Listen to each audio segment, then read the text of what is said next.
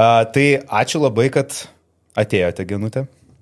Labai džiaugiuosi, nes iš tikrųjų daug metų seku, stebiu žinių radijui ir patinka visos mintis, kur, kurias aptarėt su kolega. Iš tikrųjų įdomu. Aš dažnai užsileidžiu vaikščiodamas rytai su šunimi, nes kažką tai tokio, žinot, atrodo lyg ir žinojai, lyg ir girdėjai, bet labai taip atšviežina tas žinias, pamatai save iš šono, išgirsti kartais, ko galbūt nematėjai, negalvoji, kad klaidas darydavai ir pastebi savyje tam tikras problemas ir tada bandai taisytis. Tai va, tai šiandien noriu paliesti ypatingai aktualią temą šio laikiniam pasauliu. Tai yra pažintis per interneto programėlės, per mobiliųjų telefonų programėlės. Ir turbūt norėčiau pradėti nuo socialinių tinklų. Šiek tiek iš toliau būtent pakalbėti apie socialinius tinklus ir jų įtaką mūsų įsivaizdavimui, kas yra santykiai. Tas pasaulis, kurį matome internete ir tą percepciją perkeliame į tikrovę. Kiek tai klaidina ir kiek tai iš tikrųjų, kiek tame yra realybės ir kiek tame yra melo. E, tai vad, kai paklausėt, aš iš karto ir pagalvojau, kad ko gero tai labai labai klaidina. E, ir e, melas visų pirma tame, kad, žiūrėkit, labai retas žmogus, kuris įsideda selfie ligoniniai, kad, o, žiūrėkit, aš čia guliu, visas mhm. paraudonavęs, man bloga. Mačiau vieną kartą, tai be galo daug laikų susilaikė žmogus, nes tai didžiulė retenybė, visi iškart pastebėjo. Tai lygiai taip pat su santykiais apsikabinę, tenais vyras su moterim, kažkokiam tai gražiam atostogų, reiškia, kurortėlėje. Mes mm. tokius matom pagrindę santykius tenais. Na, kartais ten kažkokiu tai širdučiu. Da, dar vieną atsimenu, mačiau ir labai stebėjausi, moteris vis rašo, dėkoju savo vyrui, tiek metų jį myliu. Tai buvo keistoka, bet, na, būna kartais net ir tokių, bet vat, vėlgi, mes, mes ne, ne, ne, nerandam tokių, kad mano vyras toks ir toks keulė. Mhm. Ar tuo labiau blogų santykių. Ne, kažkokių tai nuotraukų. Kad šiandien ir vėl susirėjo. du persukti veidai. Kai išsiskiria, štai aš išsilaisvinau po tiek metų trūkusios ten, taikiausi, bet jau po to viskas. Mhm. Tai va, tai mes matom, kad čia tobulas, tobulas gyvenimas, paskui kažkaip tai jau čia aš, aš čia jauna, tobula, sportuoju, ieškau naujo partnerio, kažką tokio. Tai va, toksai e, labai didelis plyšys tarp to. Ir, ir tai didina to narcisizmo sutrikimo, didina to, kad žmonės bijo kalbėti apie santykių problemą su kažkuo. Tai gėda, gėda sakyti. E, aš klausiu savo klientų, tai kiek žmonių dar žino šitą problemą, na, turi artimiausių draugų kažkokių mhm. iš senai Pasirodo, ne, net gertimiausiom draugiam nekalba, kad ten, nežinau, vyras dėmesio jie nekreipia. Čia nėra kažkas baisaus, ko būtų gėda sakyti, bet net, nes gėda dėl socialinių tinklų. Va, tai susitapatina jau su socialiniais tinklais, realiai, ko bijo socialiniuose tinkluose, tą perkelia savo į realų gyvenimą. Nebetvirauja su draugais, Taip. su artimaisiais. Mhm. Jeigu anksčiau žmonės gyveno irgi tinkluose, sakysim, sovietinis žmogus, jisai gyveno kaip, kaip sakyti, ką, ką viena boba pasakys tinkluose, mhm. kaimynai, giminaičiai, bendradarbiai. Tai viskas buvo pagal tą matuojama, kaip jau jie ten įstriejasi, draugaujasi. Buvo truputėlį daugiau tenais dar teisybės, nes kaimynai girdi už sienos ten, gal, gal mušasi, gal, gal rėkia, e, giminaičiai irgi kažkaip tai, o dabar va yra tas toksai glamūrinis vaizdas vaizdelis, jisai trukdo. Noriu jūs trumpai atitraukti nuo pokalbio ir paprašyti trijų dalykų, kurie jums nieko nekainuos. Uždėti laiką, paspausti mygtuką prenumeruoti ir jeigu jums nesunku, tiesiog palikti komentare bent jau širdutę, nes tai padės šiam video pakilti reitinguose. Ačiū Jums labai. Bet jeigu mes visi suprantame, kad socialiniai tinklai tai yra gla, glarum, glam, glamūrinis vaizdelis ir tai yra vitrina, ne, kurią mes matome tik tai va, čia internete ir kad realus gyvenimas yra kitoks. Visi tą suvokiam, bet vis tiek ant to pasimaunam ir vis tiek tai mus veikia psichologiškai ir mes bandome tą idealų pasaulį perkelti savo. Pergyvename, kad mes ten, pavyzdžiui, penktadienį skrolinam Instagramą ir mes sėdim namie, o vat visas Instagramas kažką veikia.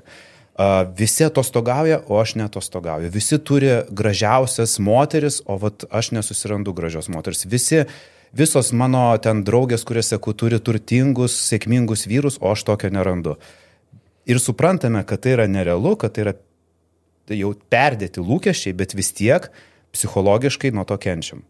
Kaip to Čia išvengti? kaip kas, vad sakom, visi, visi vis tiek. Nu, gal aš absoliutinu per gal daug. Pusę, kokį, gal, dar, gal truputį daugiau negu pusę, aš tai bandau galvoje paskaičiuoti e, pažįstamus ir klientus. E, vis dėlto tie žmonės, kurie turėjo savivertę žaizdų daugiau. Mhm. Na, vad, pavyzdžiui, aš kai klausiu savęs pačios, realiai mane labai mažai veikia kas Facebook'e, bet, sakysime, būtų gerai neturėti žaizdų, aš turiu kitų žaizdų, bet savivertė žaizda kažkaip tai, sakysim, santykinai sveikai, tie tėvai daug palaikymo davė mano savivertai, e, e, tai man kažkaip tai, na, pasiekiau gerai, džiaugiuosi, nepasiekiau, buvau labai ilgai nieko nepasiekusi, iki 35 metų iš vis karjeros nedariau. Bet irgi nebuvo labai skaudu, ne, nebent jau nesėkmių metų buvo skaudu ir žiūrėjau jau tada kaip tie kiti. Bet e, jeigu tavęs vaikystėje nepagyrė pakankamai, jeigu per daug kritikavo, jeigu su kažkuo tai lygino, jeigu patys tėvai buvo išprotėję dėl to, ką žmonės pasakys, na, daug maž tokios priežastys, jeigu aplinkoje tas yra, tada Facebookas mums labai daug reiškia ir Instagramas. Jeigu ne tokia vaikystė, jeigu labiau, nežinau, mus mylėjo, kokie esam, daug maž kiek tu pasiekiai, nesvarbu, svarbu, kad nežinau, tu čia būtum, nežinau, geras žmogus ar tenais, ar, ar duotum kuo daugiau dėmesio, ar savo tėvus besirienčius taiktų. Je, Mhm. jeigu tau ki- kitos užduotis, kiti iššūkiai buvo, tai tu mažiau žiūrėsi. Tai e, primestas kitų gyvenimas, ne? Ką kiti pagalvos. Taip. Nebūk savimi, bet galvok, e, kaip. Matuokis elgtis. visą laiką su liniuotė, mhm. matuokis, tu vis kažko dar nepadaręs, dar kiti geriau padarė, konkurentai nesnaudžia mm, ir taip toliau. Ne, neužmėg, kaip sakant, Taip. stenkis visą laiką verskis per galvą. Um, o aš skaitęs esu, kad e, būtent socialinės tinkluose e, tas e, santykių rodimas, jau esamų santykių rodimas ir, man atrodo, Amerikoje psichologai tyrė, kad a, tai yra didesnė tikimybė, kad poros išsiskirs. Kad tai yra priežastis, jog a, kažkas yra blogai santykis. Ar tame yra kažkiek tai tiesos? Kad jeigu mes per daug dedame savo santykius į internetą. Taip, viskas, kas per daug, rodo, kad yra problema. Tarkim, yra koks nors žmogus, kuris nuolat kalba apie tai, koks jisai seksualus. Tai kodėl? Kažkas reiškia neišeidavo arba neišeina, ar, ar kažkoks mhm. užsisukimas toje vietoje.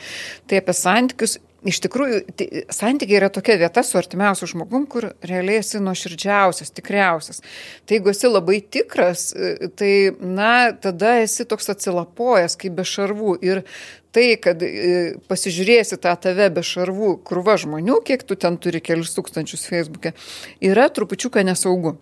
Ir tai yra labai sveikas jausmas. Mhm. Nes, na, koks nors gali, nežinau, koks gyvenaitis trenktas ar dar kas nors, ar koks nors ten iš vis nepažįstamas, gali tau kažką labai tokio įžeidžiančio parašyti ir tu, kai tau parašy, žino, matydami tą minutę, tai normalu yra saugotis. Normalu kalbėti su žmonėm, kuriais pasitikim apie tai.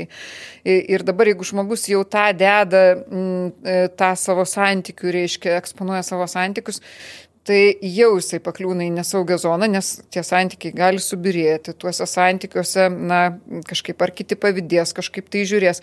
Jau yra sudėti, aišku, jie deda labai, apšarvuoja, kad labai laimingus momentus. Pačius laimingiausius. Nes tada kyla klausimas, kokiu tikslu. Nes jeigu tikslu atsiskleidimo, tarkim, jeigu aš, nežinau, pradėjau mokytis naują kalbą arba nuvažiavau į kitą šalį, atsiskleidimas man yra saugus ir geras, aš valio mhm. pasiekiau, pasidžiaugit kartu. Dabar, e, e, jeigu aš dedu santykius, tai tada klausimas, koks tikslas? E, e, Jeigu dažniausiai yra tikslas pasigirti, kad žiūrėkite, va, kokią šaunuolę ar šaunuolę pagavau, jau reiškia, kad bijojau matyti anksčiau, kad nepagausiu, kad, kad gal neturėsiu, jau reikia išsiafišuoti. Arba prieš tą žmogų išsistatyti. Pavyzdžiui, kad aš, aš va matai, kaip tave įdėjau su savim nufotografuota, matai, koks tu man brangus, tai prašau ir aš tau noriu būti brangi. Gali būti toksai variantas, gali būti variantas teritorijos žymėjimas, be labai dažnas mano klientų tarpe. Į pati pirmoji nuotrauka, kuri atsiranda dviese, yra skirta kad velniop visos konkurentės matytų, kad daugiau prie jo nekiš nagų. Konkurentės, būna ir vyrai, rečiau tą daro, bet irgi, kad konkurentai, va, aiškiai matytų, kad čia ir, ir tada daugiau tokių nuotraukų deda, kad tos, ypač kokiai nors konkrečiai konkurentai, tarkim, kokia bendradarbė, kuri galbūt e, seilę varvina, gal ne, mes nežinome, bet kad jinai nuolat matytų, kad čia laiminga šeima, laiminga šeima, nelysk prie jos, nelysk. Tai, tai va tokių labai keistų ten tikslų tikslelių būna. Mhm. Ir tie tikslai rodo, kad vis tiek kažkas tenais nesaugu, braška, kažkokią vertę įtvirtinti reikia kažką. Na gal čia to, tas posakis laimė mėgsta tylą tinka tinka, sako, kad net jeigu pradėjai daryti kažkokį tai darbą, ne tą darbą, kur atidėlioji ir sunku daryti, bet kur pradėjai, tai sako, tą idėją palaikyk. Nes jeigu tu daug kalbėsi, kad aš darysiu tą, darysiu tą, tu nebetenki tos energijos, kurią, jeigu niekam nesakytum, sudėtum būtent į tą darbą, nes daug prikalbėjęs tu nebedarai. Tai čia panašiai, čia tu iš, iššvaistai tą jūsų, tą intimę tokią dviejų žmonių, na, ten gali būti kažkas labai gražaus, labai savito ir tu ją kažkur tai pro šonus drapstai. Esate jauni kuriejai, influenceriai, o gal verslas ir norite pradėti kurti savo laidą. Tam yra puikia vieta - studija Record in Vilnius. Mūsų studijoje savo laidą galite paversti unikalią, dėl to, kad mes turime daugiau negu septynis skirtingus įvaizdžius. Taip pat rasite keturias kameras, keturis mikrofonus, visą reikiamą audio ir video įrašymo įrangą, kur galėsite tiesiogiai leisti įrašą į internetą internetu. Visa tai yra su profesionalų priežiūra ir jeigu netgi jūs neturite žmogaus, kuris gali jums sumontuoti video, visą tai turime mes. Jeigu norite pradėti, jums tai reikia parašyti mums laišką mūsų Instagrame recordinvilnius arba elektroniniu paštu hello etarecordinvilnius.lt. O tai gali būti, pavyzdžiui, jeigu žmonės yra santykiuose ir viena iš pusių pradeda labai daug dėti nuotraukų arba ten tų Instagram stories apie juos, apie santykius, bendrų nuotraukų iš atostogų, iš kasdienybės. Ar tai gali būti kažkoks red flagas, kad kažkas tai jau eina į blogąją pusę ir ar vyrui, ar moteriai reiktų susimastyti, gal a, susirūpinti? Manau, galėtų.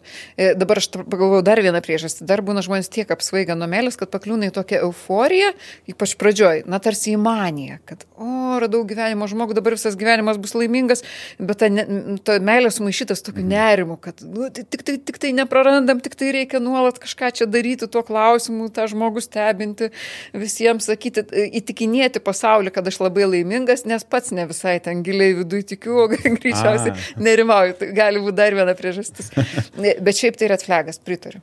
Tai, mhm. tai yra keistokas elgesys. No, normalu galbūt įdėti keletą kartų ten per metus ar kažkaip, bet, bet nuolat labai keista. Bet gal čia netgi yra dvi grupės. Viena grupė galėtų būti paprasti žmonės, kurie nedirba socialiniuose tinkluose. Ir kita grupė, kurie įsitraukia yra socialinius tinklus, nuomonės formuotojai, kurių gyvenimas yra būtent tai jų gyven, pragyvenimo šaltinis. Bet vėlgi yra dalis nuomonės formuotojų, kurie to taip daug neviešina ir dalis yra, kurie realiai na, viešindami savo asmeninį gyvenimą keliasi populiarumą. Tai dabar ar galima tai pateisinti darbu? Ar tai vėlgi yra tas pats ženklas, tik tai, kad uh, pasiteisinimas? E, sunku pasakyti, čia gali, ar, ar tai ten yra po to dar kažkas paslėpta, tai Taip. jau dabar mums reikėtų kažkokių kitų šaltinių sužinoti. Mhm. E, bet tikrai žinau, kad žmonės deda vat, santykius su vaikais, va, kad ten man vaikas taip, o šiam taip, na ir kaip sakyti, kaip ir įdomis, tas susiskaito ir, ir liktai prasmingų ten ir pasiūlymų, patarimų gali dėti ir su antra pusė, e, bet tada, ko gero, na svarbus momentas nemelavimo kad jeigu tikrai, va, puikiai išsprendėm kažkokią problemą, tikrai gerai esam dabar kažkaip ramiai, vienokią laimę, kitokią laimę, tai tada, bet paskui labai, na kažkaip tai nesveikai skamba, kai o staiga išsiskyrė, taip išafišuota, taip buvo nuostabu, nuostabu ir taip nuostabu ir anaip ir trečiaip nuostabu, mhm. tada aišku kyla e, toksai klausimas, nu, arba didelio nenuširdumo, arba didelių problemų, kad jau patys žmonės nežino, kaip jie ten jaučiasi. Tai kaip ir ne, tos negatyvios reklamos, aišku, tai irgi reklama, gal dar daugiau surinks laikų, bet tada jau labai santykiam gali kenkti. O tai yra kažkokia geroji pusė socialinių tinklų santykiams? Nes kol kas atrodo einame į tą tokią, žinot, pusę, kur geriau neviešinti, geriau tyliai, kad tai sukelia perdėtus lūkesčius. Vaikinai galvoja, kad visos merginos yra super gražios, ne, nus iš tikrųjų, mhm. algoritmai veikia taip, jeigu tu vieną antrą merginą gražią pasižiūrėjai, tau automatiškai meta panašiai gražias merginas ir tada tu galvoji, o tai kodėl mano rate tokių nėra. A, tas pats ir merginom, jos mato tik sėkmingus kažkokius vyrus Instagrame, bet aplinkui jas nėra ir jos tada kvesionuoja, kur tie normalūs vyrai.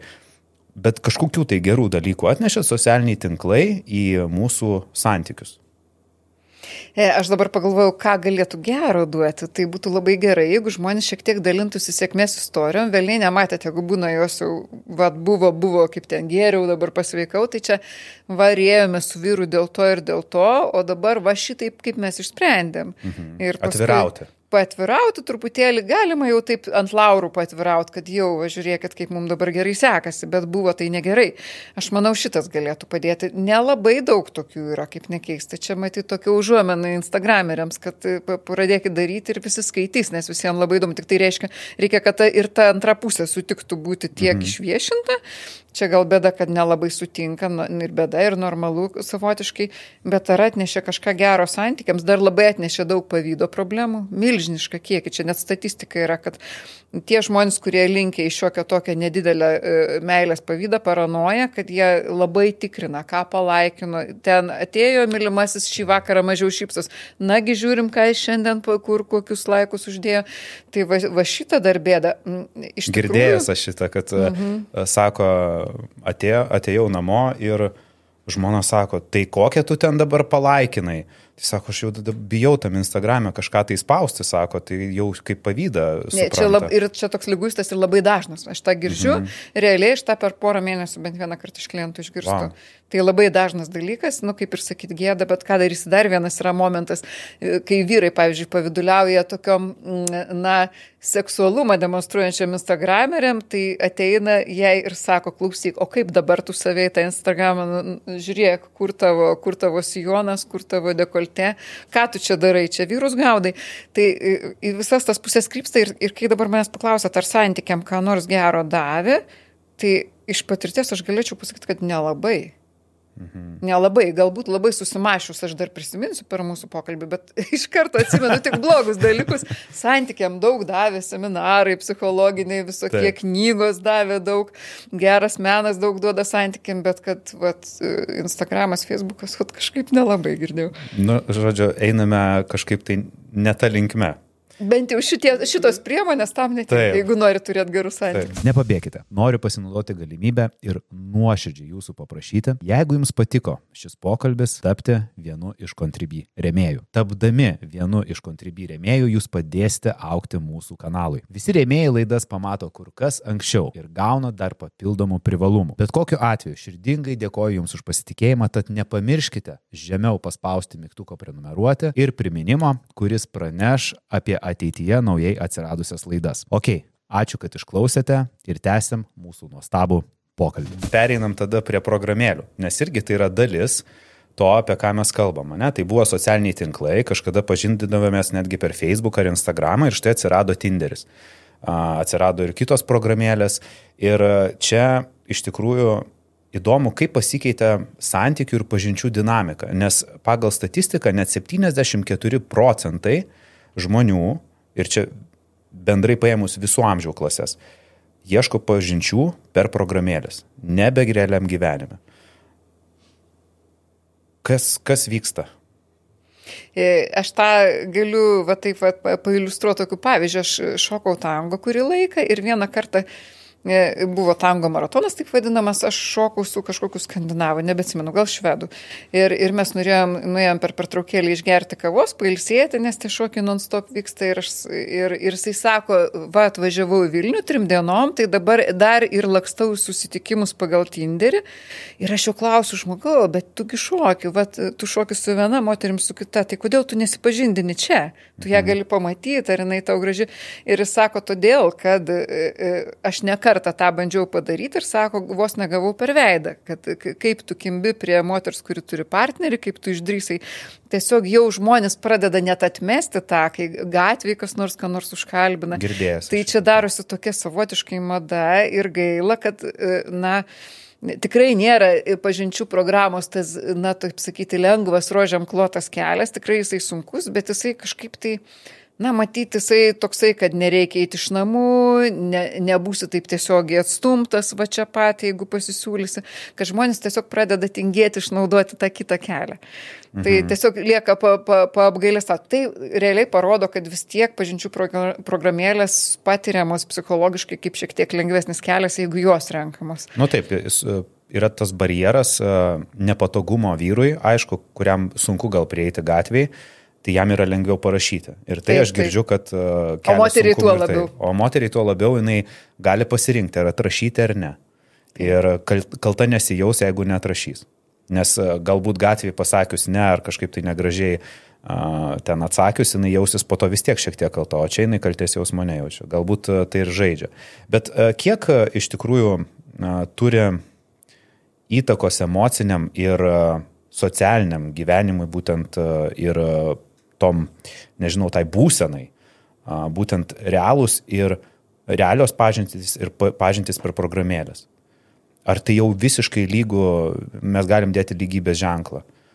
Nes, nu, tai yra didžiulis skirtumas. Tai tu pažindinės gyvai ir per programėlę. Taip, taip, galiu tą labai pakomentuoti, e, nes labai daug, aš perskaičiau realiai apie penkias knygas apie tai, nes vienu metu aš tos, tiesiog turėjau klienčių bumą, kur vienu metu apie penkias klientės, kurios grinai sprendžia Tinderio problemas ir šiuo metu mm. jų turiu, na, Lietuvoje realiai. O kada tai atsirado būtent šita problema? O čia jinai atsirado kažkur, tai aš sakyčiau, prieš septynis metus, va tokia jau labai, labai ryškita banga prasidėjo.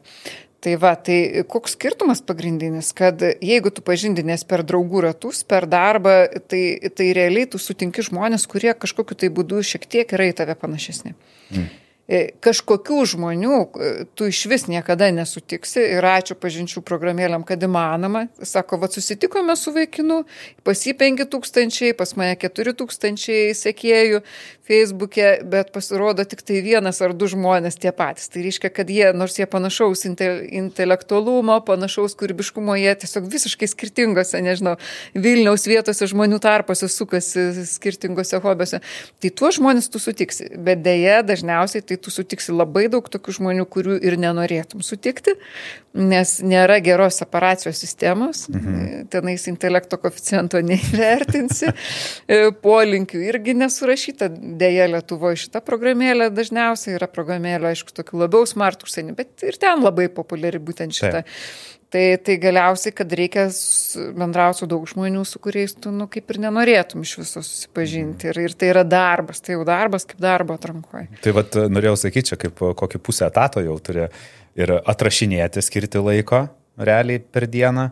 Ir tada ir susitikimam turi e, skirti laiko, bet tai nekelia to tokio vartojiškumo jausmo, kad, taip, tu, taip. kad tu į tuos pažintys, į santykius eini kaip realiai į pokalbį dėl darbo, kaip į interviu. Nes aš girdžiu, kad daugelis skundžiasi, kad tas pirmas pasimatymas tarpa, ties, tampa tiesiog interviu, nebe pasimatymu. Kaip va šitą problemą išspręsti? Nes atrodytų, nu, susipažino, jau kažką tai ten apsirašė, Bet atėjus vis tiek vyksta interviu, nes to, to turbūt nuširdumo nėra.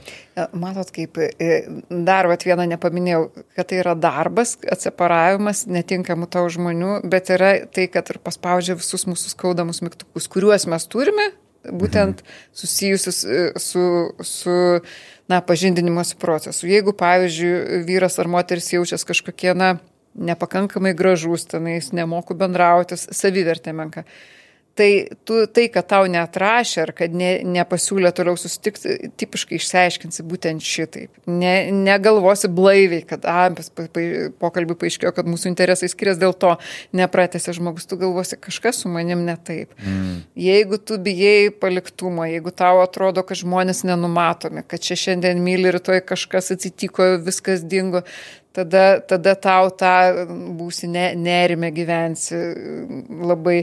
Tai vad, kai, kai spaudžia tos mygtukus, o jos labai smarkiai spaudžia, tai tada žmogus ir stengiasi apsišarvuoti šiek tiek kad neįsijaust per smarkiai ir kadangi nėra tokios rankenėlės, kad tiksliai nureguliuotum, tai dažniausiai perreguliuoja į kitą pusę, kad tada aš einu toksai objektyvus, pasiruošęs vis, visais šarvais, kad tik tai manęs neįskaudintų, nenuvertintų, nepaliktų, geriau pats pirmas šoksiu, paliksiu. Tai, tai tada jau tas, na ir aišku, tokiu būdu išsikasa saudobė, nes tada, na, reikia ir gyvumo tame, tu gali mhm. pats parašyti gerą pažymį tam žmogui, bet kol tu rašai pažymus, senas žmogus tave nuvertino kaip interviu robotą. tai, Taip. tai, tai čia tikrai tai yra labai sunkus uždavinys, beje, ateiti į tą susitikimą ir būti gyvu ir tuo pačiu būti e, blaiviu ir, ir, ir, ir, ir tikrai sudėtinga tą darbą atlikti, supratimo, su kokiu žmogum susidūrėjai. Gerai, o jeigu yra pirmas pasimatymas, vis dėlto, na, taip žiūrint iš teorijos, iš teorinės pusės, e, dažniausiai sako, kad vyras turi būti tas, kuris 80 procentų klausinėja ir domisi moterim, o 20 procentų papasakoja apie save. Nu, čia aš taip plius minus, kiek esu girdėjęs. Tai kaip vat, paversti tą bendravimą, kad nebūtų tikrai tas interviu ir neperspausti. Kur ta riba? Ką būtent reiktų apie save pasidalinti? Kokiomis temomis kalbėtis? Kad vyras sudomintų moterį, bet tuo pačiu tai net neatrodytų kaip interviu. E, tai, ką jūs sakote, kad taip turėtų būti, matyt, rašo tie, kurie girdi moterų skundus, kad e, labai dažnai vyrai, aš sakyčiau taip, kas antras vyras atėjęs į pasimatymą, bando išsistatyti visus savo įmanomus pasiekimus. Mm. Kuris sportavo, kuris važiavo, koks šaunuolis, kokia šaun... šeima jo gera. papasakoti. Taip, su papasakoti būtent viską, kas jam pasisekė. Moterį paklausti labai labai mažai, paklausęs niekaip to pokalbio toliau nevystyti, vėl nueit prie savo temų. Tai matyt rašo jiems tai, nes iš tikrųjų toks yra čia pasirodymas. Ir, ir kaip čia turėtų būti. Tai net manau, kas antras taip daro? Taip, kas antras, tai būtent wow. dėl to jiems siūlo. Taip, vyrai tipiškiau sako, kiekvienas vyras yra truputėlį, palyginus su moterim, truputėlį narcisistas ir truputėlį autistas. Tai jeigu jau vyras tų savybių neturi, jisai yra labiau tas androginiškas, kuris turi ir vyriškų, ir moteriškų savybių. Tai liuks, labai balansuota asmenybė. Bet vis tiek yra daugiau vyrų, kurie, nu, šiek tiek labiau vyriški. Mhm. E, tai va, tai dažnai tas vyriškumas jiems neįnauda. Tai čia turėtų būti matyti po vienodai, kada būtų kažkiek tai atsiskleidžia jau kiek nori tuos savo, žinoma, visi savo gražesnės plunksnelės atskleidžia savo gražesnės plunksnelės, bet, bet yra būdų turėtų ir paklausti, ir išgirsti.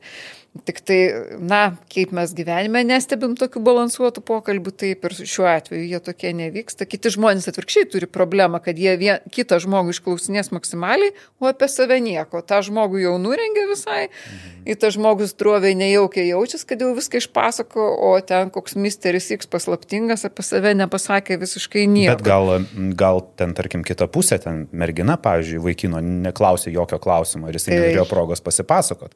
Gal tai gali būti ir e, tos merginos klaida, kad jinai nesidomi. Gali būti klaida ir dar labai svarbi klaida, kad vat, atėjo du netobuli žmonės, nerimas juos veikia ir jie kiekvienas daro klaidų. Kažkuris per daug šneka, kažkuris gal per daug klausinėja, per mažai. Mhm kita pusė tarsi neturi rankų įrankių pasakyti, kad, e, tu viena kalbi, gal ir man galima pašnekėti, arba tu mane vis klausi, galima, aš dabar paklausiu su šypsena, tiesiog įvardinti, okay. žiūrėk, kaip čia pas mus įdomiai vyksta. Ai, padarom, kad balans, balansas būtų. Čia žodžiu tai užtenka, tik svarbiausia nebūti labai dideliam mhm. nerime, tai pasakyti, na, tikintis, kad kitas žmogus irgi geranoriškas, apsidžiaugs tą išvalgą, kad jis greičiausiai daro nesąmonę iš įtampos, ne dėl to, kad taip piktybiškai nori daryti tą nesąmonę ir gyvenime dar daugiau darys.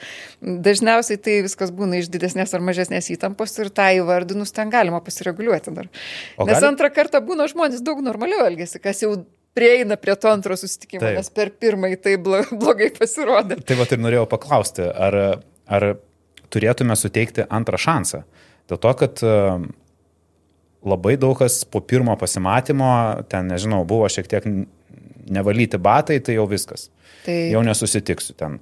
E, jisai ten ne mano skonio apsirengė, jau nesusitiksiu. Nu, nueina į tokias smulkmenas, kurios nėra reikšmingos ir galbūt tiesiog tą dieną žmogus e, ar ten nespėjo nusivalyti batų, ar ten netaip apsirengė, gal ten bėgo iš kažkokio renginio, ar dar kažko galva, kaip jūs sakot, jaudinosi ir tas jaudulys jam pakišo koją, gal jis nevaikšto į tos pasimatymus kaip atėjęs partneris, e, kuris galbūt kaip į darbą eina, ne, ir tuos interviu kasdieną, kaip e, tas tango šokėjas, kur per dieną ten penkis turbūt pasimatymus jo, galbūt e, ten mergina eina kartą į mėnesį ir jinai, jei tas pasimatymas kiekvienas yra jaudinantis, jinai gali jaudintis, būti uždaresnė, tokia kuklesnė ir vaikinui tai gali pasirodyti kaip red flagas.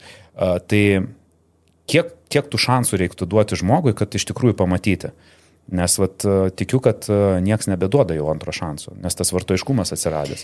E, toksai, čia gal taip, labai labai pritariu, kad tikrai reikia duoti, kažkaip netgi prisivers truputėlį, net gal tokią taisyklę nustatyti, kad, kad jeigu man nu, vis tiek dar, nors yra vienu pliusu, 51 procentas pliusų, tai dar nueiti tą antrą mhm. susitikimą, nes tikrai aš ta, pagal savo klientų žinau, kaip jie, kai kurie klientai baisiai atrodo pirmą kartą atėję pas psichologą, vieni arogantiški, kiti tenais kažkokie kažkokias e, visiškai ten ašaras laisto, atrodo be pusiausvyros, tretys įtempia, kaip tą įtardymą išsigandę, to psichologo antrą kartą ateina, žiūri, normalus žmogus, aš irgi po to pirmą kartą galvoju, o Dieve, ką, gal jį kur nors kitur nusiųsti, baisu, baisu. Na, va, e, tai čia truputėlį panašu į tai. Bet, bet kodėl, kodėl žmonės taip greitai nukainuoja, dar vienas momentas.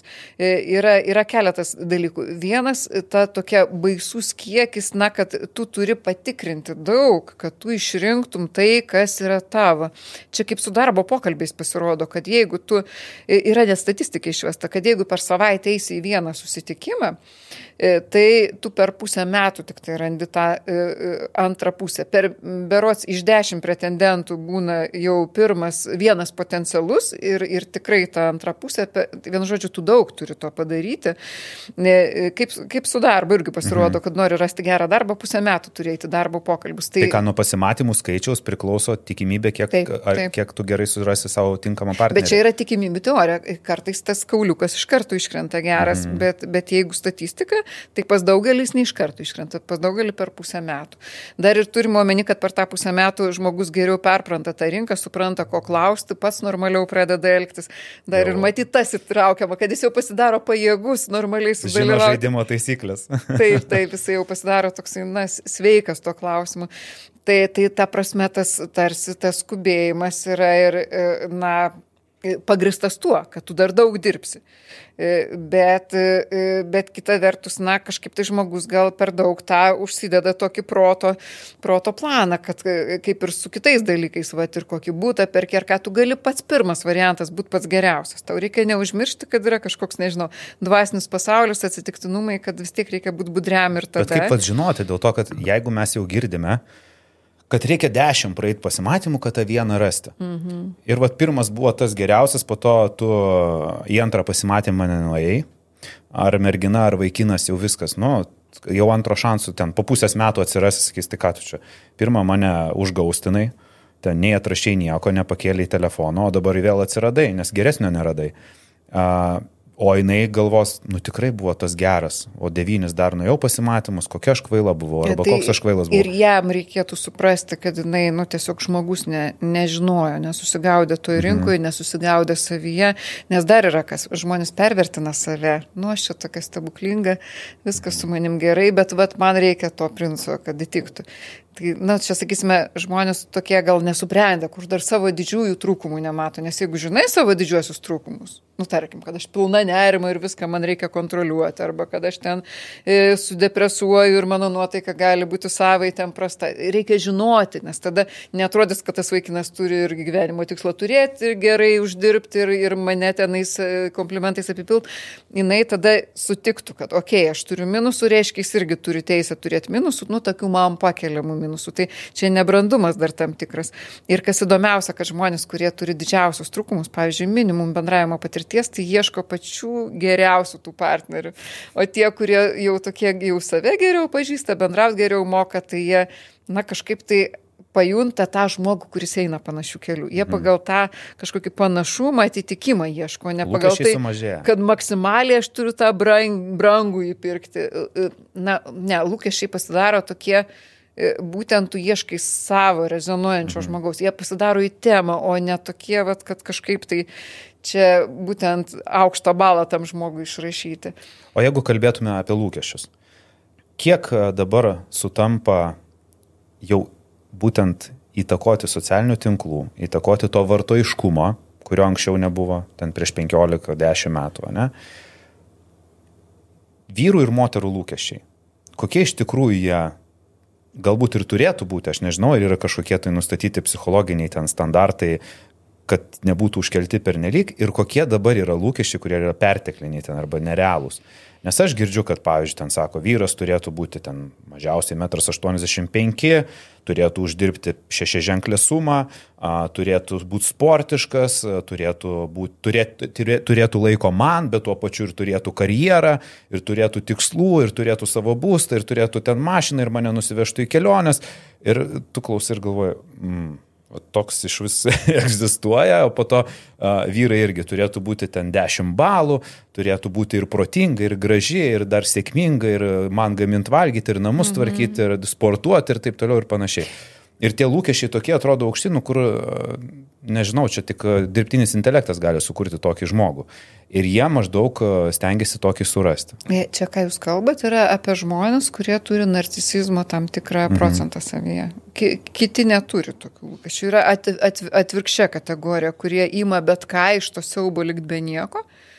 Ir labai aiškiai jau tos raudonos vėliavėlės išlindė, kad ten virukas ir geria, ir, ir, ir visiškai nesiklauso ir tik apie save kalba ir vis tiek jai tinka, kad tik nedaug dievė nepaliktų. Tai čia jai, jam, jie irgi tokie patys. Tai, tai vat, ar mes grubiai galima žmonės kelti į narcisistus ir nusivertinusius, mhm. tai ir mes visi esam kažkokioje vietoje, va, ta, va toj skaliai. Tai gerai, jeigu 50-50 turi trupučiuką sveiko narcisizmą. Ne, ir taip pat galim tą mhm. tokį... Galima savo tarsi indeksą išsivesti ir tipiškai žmonės nežino, narcisistai negalvoja galvoja, kad jie narcisistai nusivertinę, neįsivaizduoja, kiek jie nu, įtinka kitiem. Jie o kaip tai atpažinti savyje? Kokie, kokie yra būtent žen, nežinau, ženklai, kad ženklai pagalvoti apie buvusius partnerius, į kurią pusę viskas nueidavo, ar tai buvo geri žmonės, kurie man vis neįtiko ir aš ieškojau dar geresnių, ar tai buvo žmonės, kurie tikrai prie kurių turėjau be galo taikytis ir kuriem vis kažkas netai buvo ir kurie, na, kas paliko, gal ir nėra tai baisiai svarbu, bet svarbiausia, nu, kieno sąskaita vyko, ar, ar man vis neįtiko, ar aš vis neįtikau. E, antras dalykas - paklausti bent penkių gerai pažįstančių žmonių ir jie labai tiksliai pasakys, nes iš šono tas matos tiesiog tiesiog ant veido užrašyta. Tas gana aiškiai matosi. Tai, tai vat, bet mes patys, kol pamatom, mums gali tekti ir kokį 50 metų pragyventi, kol pamatysime. Smegenis vat slepia, nes tai gana skausminga, gali nežinot, kaip su tuo susidoroti. Sunku tai, pripažinti. Taip, taip, tai vad kažkurioje pusėje esi nukrypęs ir, ir lygiai pažinčių portaluose tas atrodo žmonės dar tik žinutės rašo, bet jau to žinutės rašosi kažkokiu būdu. Kažkuris vienas leidžia savo vėliau atrašyti, kažkuris kitas neleidžia, kažkuris parašo daugiau malonybinių žodžių, kažkuris parašo mažiau. Ir čia ne vyrai, moteris, čia lygiai taip pat e, jums gali būti kaip vyrui atrodyti, kad, na, vyras turi būti aktyvesnis, moteriai labiau tenais e, asistuoti, kažką gražaus sakyti, e, bet lygiai taip pat ir moteris be galo kai kurios aktyviai ir jos ir, ir pasakoja, ir klausia, ir atsako, ir, ir siūlo, ir, ir vyrai dar pasibrangina tie vyrai tokie, kokie joms patinka, sudėtingo charakterio. Mhm. Tai va, tai čia e, tas, e, kaip nekeista, net per tokį dalyką kaip žinutės, viskas transliuojas kaip per kokį stiprintuvą per internetą ir visos mūsų problemos jau tuo metu jos yra išlindę.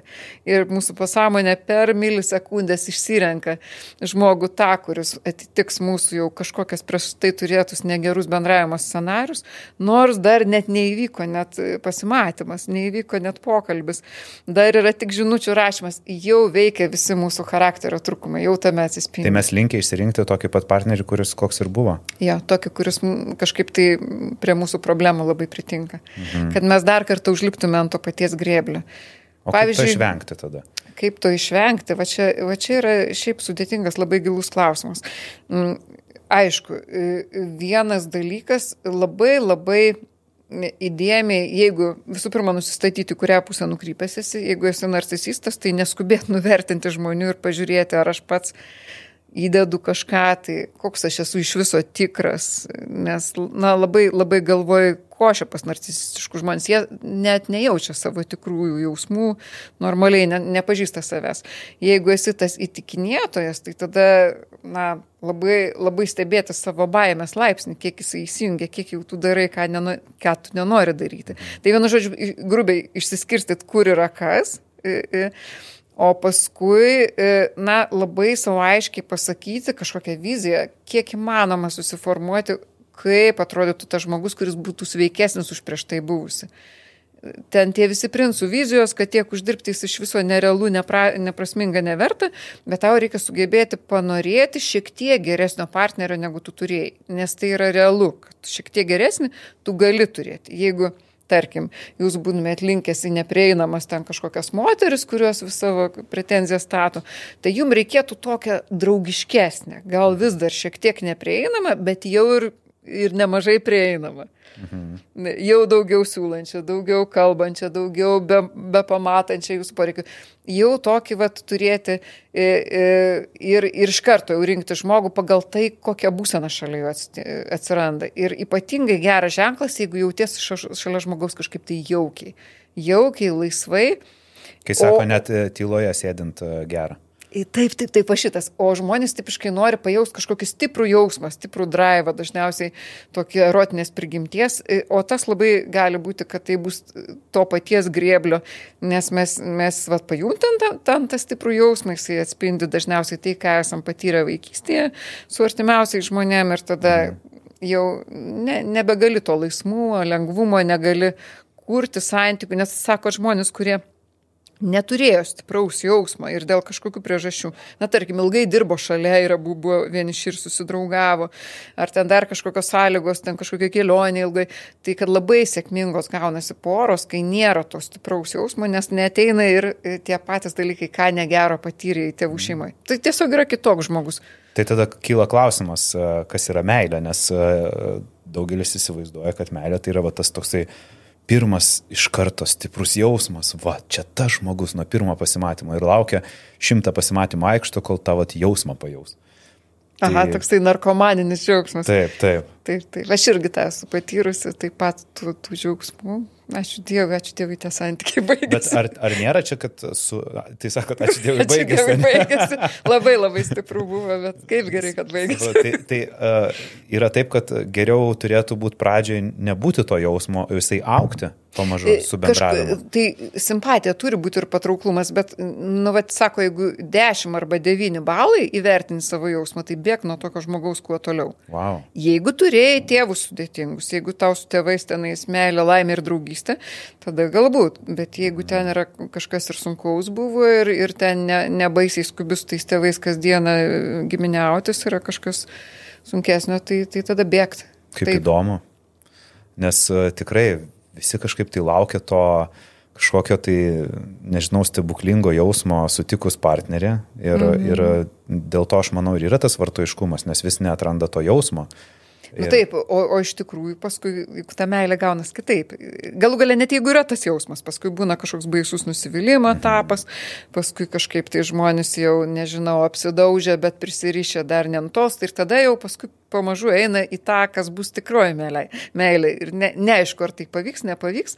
O tie, kurie pradėjo nuo pradžių, tai jie po truputėlį eina į tą tikrąją meilę. Ir ta tikroji meilė tai, na, yra, kad žmonės susikuria kažkokius ritualus, kuriem gera kartu, susikuria kažkokius tai seksualiai gerai susiderina, kas kam kaip patinka, kažkokį tai mhm. pajunta vienas kito ritmą, vienas kito emocijas, kad jie, na, vis daugiau atveria viens kitam, vis geriau iš, išsikalba, vis daugiau bendrauja bendradarbiauja. Nu, toksai kaip, kaip gerai susišokusi pora Ta. atsiranda. Tai, tai va jau geri draugai, jie visų pirma geri draugai, bet aišku, ir šiek tiek viens kitam ir neprieinami, ir kitokie, ir, ir žavintis, bet šiek tiek, va, ne, o ne taip, kaip pritrenkiantis tas jausmas mhm. iš pradžių, kurio ir ieško. O kiek turėtų būti panašumų? Nes programėlėse galima pasižymėti, mėgstamus dalykus. Tenai mėgstu tą, na, trečią, ketvirtą, ieškau ten vieno ar kito ir kiek turi sutapti panašumų tarp žmonių, kad tai skaitytųsi, nu kaip ir potencialus partneris. Ar turi būti pomėgiai panašus, ar turi būti, nežinau, išsilavinimas panašus. Tiesiog, ar gali būti, pavyzdžiui, žmonės iš skirtingų pasaulių ir vienas kitą papildyti, galbūt kažko išmokyti. Kurią pusę vat rinktis, nes vieni ieško atvirkščiai, vat turi būti kaip aš. Ir ten ir sportuoti, groti gitarą, vaikščioti į koncertus, turi patikti ten stand-upai, O kiti atvirkščiai ieško galbūt, e, bent jau galvoja, kad reikia ieškoti e, visiškai priešingybę savo. O kaip iš tikrųjų yra, kas traukia ir kaip toj programėlė elgtis? Na, va čia toksai e, iš tikrųjų jums gali būti ir įdomus tas atsakymas, nes ir man pačiai, kai aš išgirdau, buvo įdomu, panašumų daug nereikia. Svarbiausia - emocinis komfortas. Emocinis komfortas tipiškai atsiranda, kai žmonės papildo vienas kitą. Tipiškai. Mm. O būtent kas tai būtų? Na, tarkim, ekstravertas ir intravertas. A, Tenais okay. vienas labai emociškai išraiškingas, kitas kaip tik labai santūrus, nes du emociškai išraiškingi iš karto tenais Na, taip, taip. neapykantos meilės visokios. Tai, tipiškai tokios poros ilgiau ištveria, jeigu jie augina vaikus, tada tokia stereo šeima, vaikai gauna labai daug savybių iš karto, tuos vienas vienus kampus, kitas kitus padengia. Na, aišku, jeigu tai yra vyresnio amžiaus žmonės sustinka, tai tada truputėlį daugiau krypsta į tai, kad jie visų pirma yra draugai. Jiem nereikia to stereo, jie galbūt net ne vienose namuose visą laiką gyvens, niekas nežino. Gal dėkime ribą, kas tas vyresnio amžiaus? Vyresnio, na, imkime, tarkim, virš 40, jau, jau tokie, jo, ne, ne 70. Tai va, e, e, bet jeigu žmogus jau visiškai iš kito pasaulio, kur kita pasaulyje žiūra kažkaip, tai, na, tada geruoju irgi nesibaigia Bet vis tiek įsivaizduoti, kad ten, jeigu aš sportuoju, mano vyras irgi turi sportuoti, tai čia yra na, labai daug šeimų, kurios sutarė gerai, šeimų, porų, ilgalaikių, parodo, kad jie turi kokį lygiai vieną bendrą pomėgį ir to pilnai užtenka. Svarbu, kad jie emociškai komfortiškai Taip. jaustis. Čia kaip tik va tokia, tai ką kalbinat, labai įdomu susišaukia su tuo, kad ką tik parašiau romaną tą temą. Jis vadinasi Artumo laboratorija. O, ir pusė romano yra skirta pažindinimuose situacijoms ir, ir tam pačiam Tinderiui, kaip tenais vyksta pagrindinė heroja, ką ten randa, vienokius, kitokius mastų ir paskui na, randa vat, tokį kaip ir narcisistą, prie kurio ten mhm. taikos vis kažkaip jinai kažkaip lyg ir viskas gerai, jisai demo versiją gamina, bet jai kažkaip jaučia, kad kažkokia jinai įsitempus. Paskui viskas, aišku, ten sproksta ir paskui sustinka žmogų būtent nepanašų į save, jos vienokie pomėgiai, jo kitokie. Ir jinai prie jo taikos, iš pradžių nori labai tikti, bando jo pomėgiais domėtis, mhm. bet paskui jie pradeda per gerklę lysti tie jo pomėgiai. ir paskui jau jie taip truputį pakariauja ir paskui žiūri, kad tvarkoja, kad nežiūrint to, jinai vis tiek, vat, ir jinai kaip tik pasirenka tą, kur ne 10 balų kur, o, daugmaž geras žmogus, kažkaip malonu kartu yra kažkoks geranoriškumas didelis tarpusavio. O kada galima bus jūsų knygą paskaityti?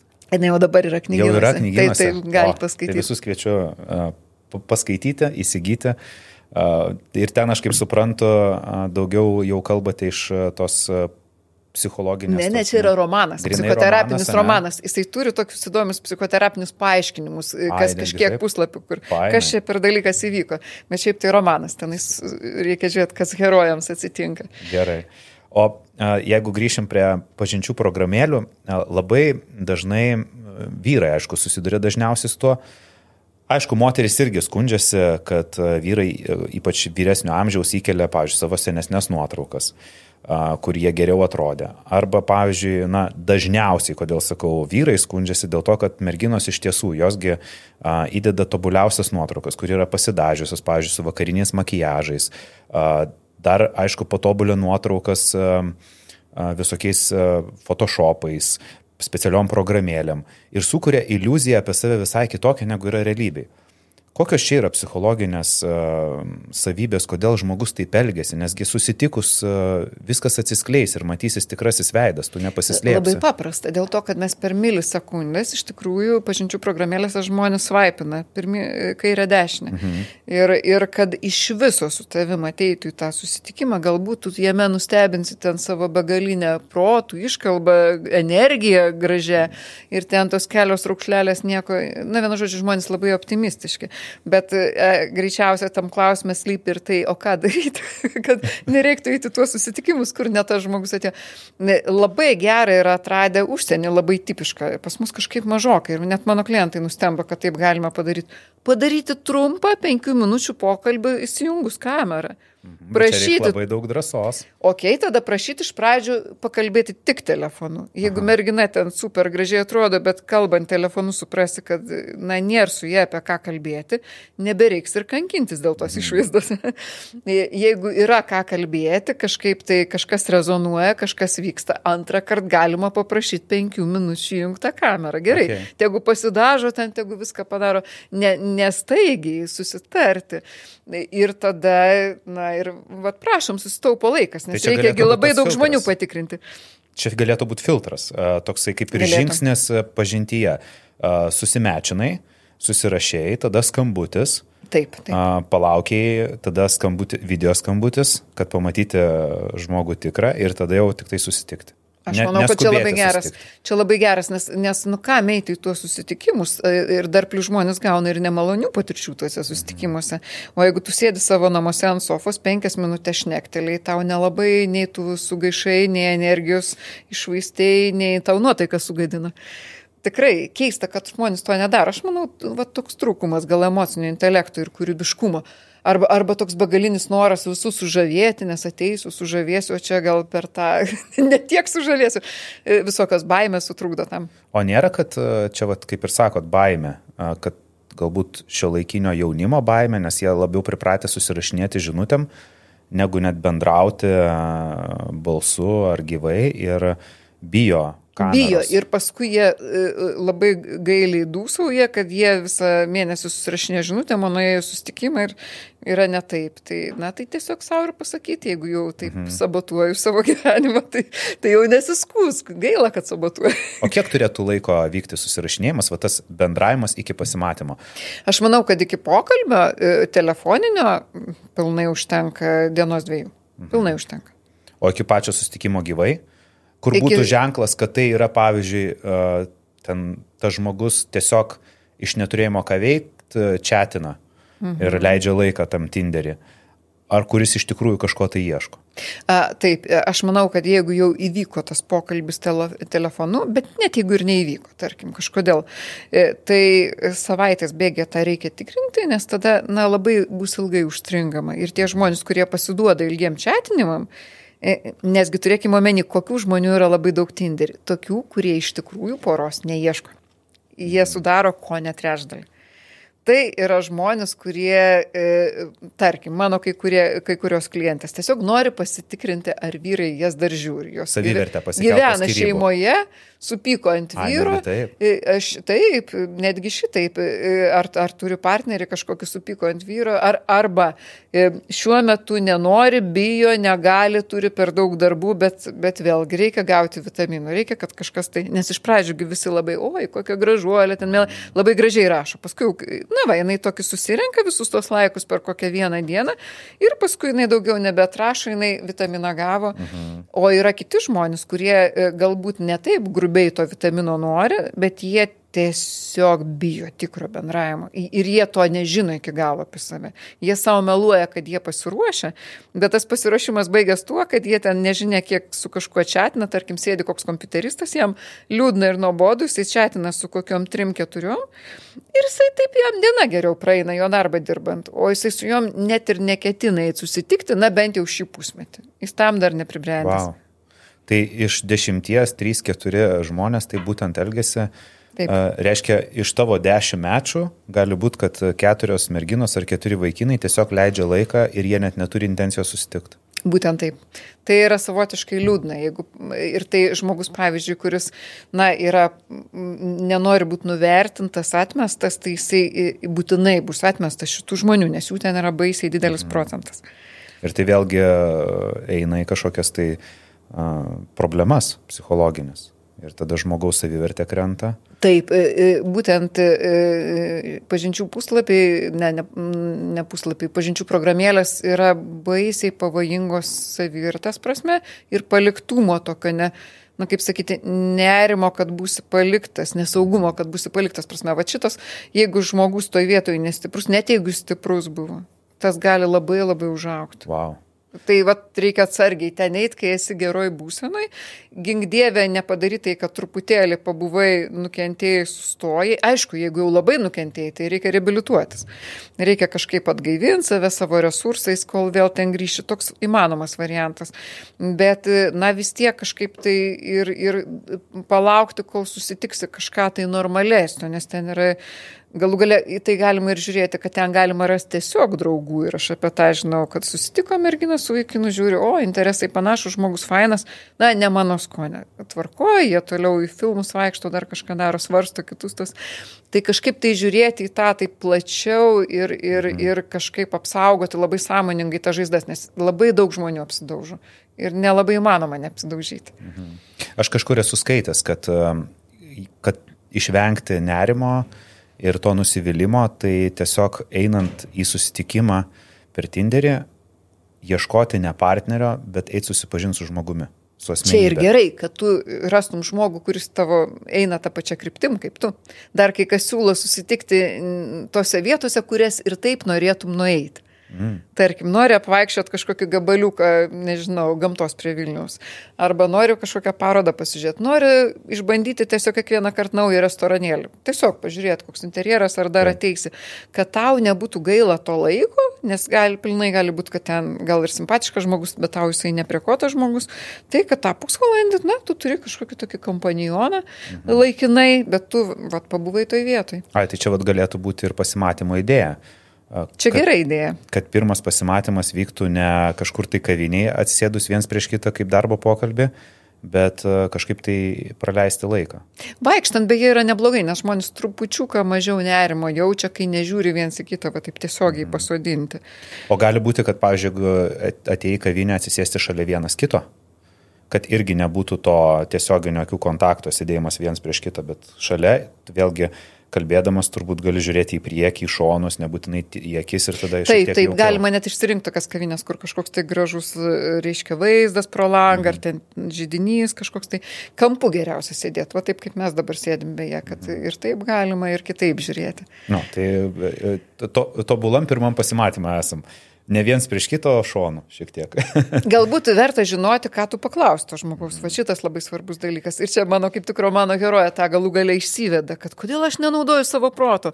Man reikia, na, sužinoti, ar tas žmogus iš tikro tinka man. Tai aš per pirmus, ne per pirmą gal sustikimą, bet per antrą, per trečią, ką svarbiausia sužinoti. Svarbiausia yra sužinoti ne ar hobiai tie patys, o svarbiausia sužinoti, dėl ko žmogus išsiskyrė su ankstesniais. Mhm. Ir kaip jis apie tai kalba, kokiais žodžiais, kaip pasakoja. Taip ar visos jos kaltos. Ar tenais į mane tik tai remiasi nelaimingos moteris, ar ten dar ką. Taip, va, sužino šitos dalykus. Tėvų šeima kažkiek svarbu, bet mes nežinom, kiek žmogus išsprendė tų problemų jau. Bet partneriai, na, jie buvo neseniai. Tai nėra blogai kalbėtis apie buvusius santykius per pirmą susitikimą. Reikėtų, ne, ne per pirmą, aš siūlyčiau, per nes per pirmą, ko gero, svarbiausia pažiūrėti, na, ar patinki viens kitam, ar yra kažkoks geras mm. jausmas, ar dar įdomu, ar dar nori susitikti. Tiesiog gerai praleisti laiką. Tiesiog tiesiog gerai praleisti laiką labai paviršutiniškai ir lengvai, o, o, o jau kažkur nuo antro, pradedant atsargiai, atsargiai, atsargiai, va, šit, šitas labai svarbus klausimas. Aišku, čia būtų daugiau svarbių klausimų. Pavyzdžiui, kaip, kaip tu rodai pyktį, kai tu būni labai piktas.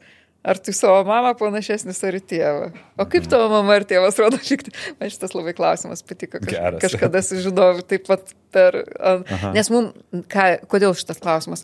Mums reikia sužinoti, kaip žmogus kovos dėl savo poreikių Mhm. Ir, kai, ir iki kur jis gali daryti, kai jis bus labai pavargęs arba labai, labai blogoj būsenai. Nes e, mes visi kovojam dėl savo poreikių, dabar mes bandom patik, norim bendrystės, bet ateityje mes da, kariausime, ar langas turi būti uždarytas ar atidarytas, ar anksčiau einame mėgoti ar vėliau mes kariausime. Ir vat vien, vieni kariauja savaitas ilgio nekalbėjimais, žaidinėjimais ir pažeminimais, kiti kariauja na, nuliūdimais, pasitarimais, papriekaištavimais. Tai mums reikia sužinoti, ar, lygis, ar tai yra tas lygis, kuriuo mes galim pajėgus, kurio tikimės.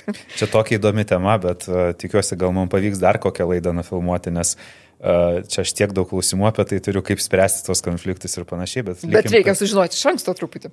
Taip. Taip, tai gal likim prie, prie pažinčių programėlių ir uh, dar vienas toksai įdomus dalykas, kad uh, merginos e, dažnai siunčia kažkokius klaidingus signalus, kaip ir vyrai, e, aš kalbu apie nuotraukas. Ir šiaip norėčiau su jumis panalizuoti, pavyzdžiui, nuotraukas ir ką tai galėtų reikšti. Tarkim, jeigu e, vaikinas įdeda nuotraukas automobilius, ten iš žvejybos. Čia labai, aš čia turbūt... Čia ko gero tipiškiausias. Tipiškiausius dedu, tipiškiausius pavyzdžius sakau, nes aš tai esu girdėjęs ne vieną kartą ir uh, tai sporto salė prie automobilio, žvejojant ir apsikabinus su draugais. Ir tenai, pavyzdžiui, nežinau, nu, turbūt viskas. Vat, ka, ka, koks čia yra paveikslas? Ko jau galėtų mergina iš tokio paveikslo tikėtis? Nes dažnu atveju aprašyme didžioji dauguma vengia kažką tai parašyti. Ta profilį susimeta nuotraukas, ten kelis punktus pažymė ir viskas, daugiau nieko nerašo ir panašiai. Bet vad ką tokios nuotraukos galėtų pasakyti apie žmogų? Tai vad pradėkim nuo vyrų. E, tai, ką išvardinote, iš karto rodo, kad žmogus labai toksai tipinis žmogus. Mhm. Kad jisai, na, kaip sakysim, stokoja originalumo, toks truputėlį bandos, bandos virukas. Ne, nieko daugiau giliau negalima žinot, gal tai geras žmogus, bet, bet kad jisai tokį, gal jis ir neturi kažkokių įdomesnių interesų, gal jisai, jeigu mašina ten kažkokia super brangi atrodo, galbūt jis nori pasigirti. Mhm. Tai vat, to, tokį jau... Nustebinti būtent e, savo... Žinau intelektualesnės merginas, kurios, jeigu vat, tokios nuotraukos, jos iš karto jos skipina, nes... Kaip? Jo, žmogau, nusifotografuok elementariai prie savo lentynos kokios nors namuose arba gamtoje, kad tavo akis matytųsi gerai. Mhm. Kažką tokio. Jau, jau nebebūsi tiek banaliai atkartotas statistinis. Mhm. O jeigu kalbėtume apie merginas? Labai dažnai merginos įdeda nuotraukas, nu nesakyčiau apsinuoginusios, bet... Seksualias. Seksualias, su iškirptė tenai, pozuodamos kažkaip ten užpakaliuką berodančios ir panašiai. Ką tai galėtų signalizuoti? Nors parašo, kad ieškau rimtų ilgalaikių santykių. Bet mhm. nuotraukos visiškai, yra visiška priešingybė. Nes man, man kaip vyrui asocijuojasi, kad čia jinai ieško kažkokių trumpalaikių santykių. Nes, nu, mergina, kuri ieškotų ilgalaikių santykių, galbūt tos nuotraukos šiek tiek, nu, nežinau. Šiaip be reikalo, taip žiūrit tariai, e, nes. Nes čia stereotipas. Visa, jo, čia yra toks stereotipas, visa, visa spauda paraš, privaryta patarimų, kad jeigu mergina, vat, kokias nuotraukas dėti, Tai sako taip, įdėkite vieną nuotrauką, kur e, matytųsi jūsų, nežinau, pomėgiai, hobiai, įdėkite kitą nuotrauką, kur matytųsi gražiai jūsų figūra. Mhm. Nes jeigu jūs įdėsite tik tai veidą arba jūs e, įdėsite kažkokiais labai rūbais, kurie nieko ne, nerodo, vaikinas galvos, kad jūs visiškai abejinga esate e, intimumui. Tai, tiesos yra, tiesos tai yra, sakot. Mhm tai jos tiesiog deda, dalis iš jų deda iš protingumo, kad, kad tai tokiu būdu jos turės didesnį pasirinkimo kiekį. Tuos vaikinus, kurie tik tai vieno to ir ten nori, jos pačios atrušiuos, bet kad tas vaikinas, kuris, na, galbūt nori rimtos merginos, bet jis irgi gyvas ir nori ir, ir artumo, kad jisai jos netmestų. Mhm. Jos dažniausiai dėl to deda. O tai jeigu, pavyzdžiui, bandyti suprasti a, per anketą, kokie žmogaus yra tikslai, tarkim, vaikinai gal mažiau bijo pasakyti, jog jie ieško trumpalaikių santykių, nes aš įsivaizduoju, kad vis tiek tose programėliuose didžioji dauguma to ir ieško. Merginos turbūt. Merginos retokai ieško. Tai va būtent. Ir aš galvoju, josgi, netgi jeigu ir jos norėtų trumpalaikių santykių, jos nenori pasirodyti blogai, nes nu, visuomeniai tai traktuojama neigiamai, ne? kad taip, taip. mergina tada iš karto skaitosi kaip nežinau, nu, prastesnė jau už kitas, jeigu jinai ieško trumpalaikių santykių. Ir jinai netgi jeigu ieško, jinai to garsiai nesakys. Bet uh, kaip vaikinui tada suprasti? Nes aš esu girdėjęs, kad nemažai merginų tiesiog ieško vaikino, nenori ilgalaikių santykių, bet ieško vaikino, na, praleisti laiką seksui.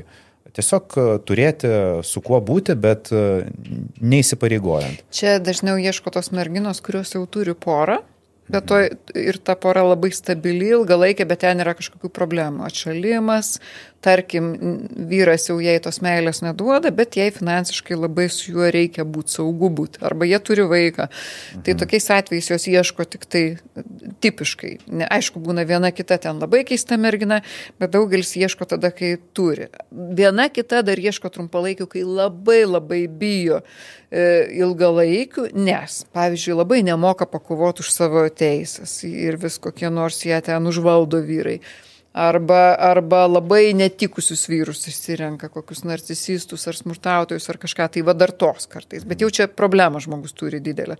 Dėl to. E, vaikinai, vaikinai tiesą sakant, irgi dažniausiai ieško netikros meilės, o, o tik tai sekso.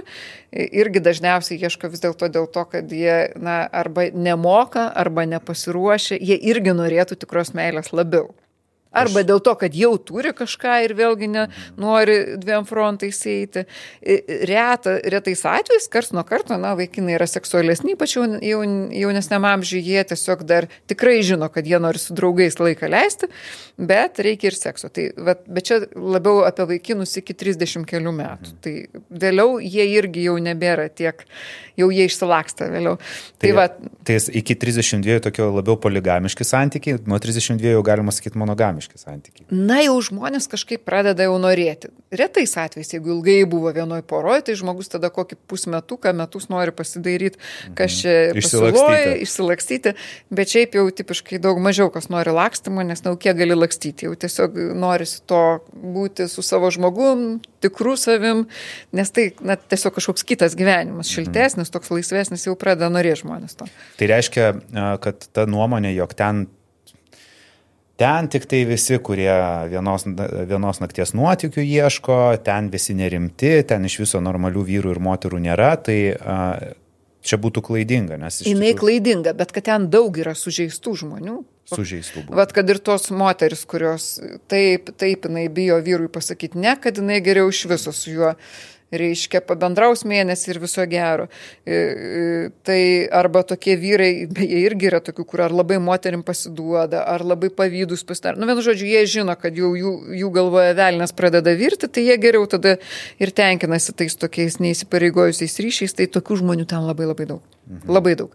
Nes, na vis tiek, va truputėlį, aš tikrai nieko nenoriu sakyti blogo apie žmonės, kurie neturi poros. Gal jie turėjo blogesnę, gal jie patobulėjo, gal jie ieško naujos poros, nes jau užaugo, gal jie, gal jie tiesiog, na, daug priežasčių gali būti, bet e, vis dėlto tie žmonės, kurie ilgai yra porose, nu, rodo, kad jie kažkokiu bendravimo gebėjimu vis dėlto turi.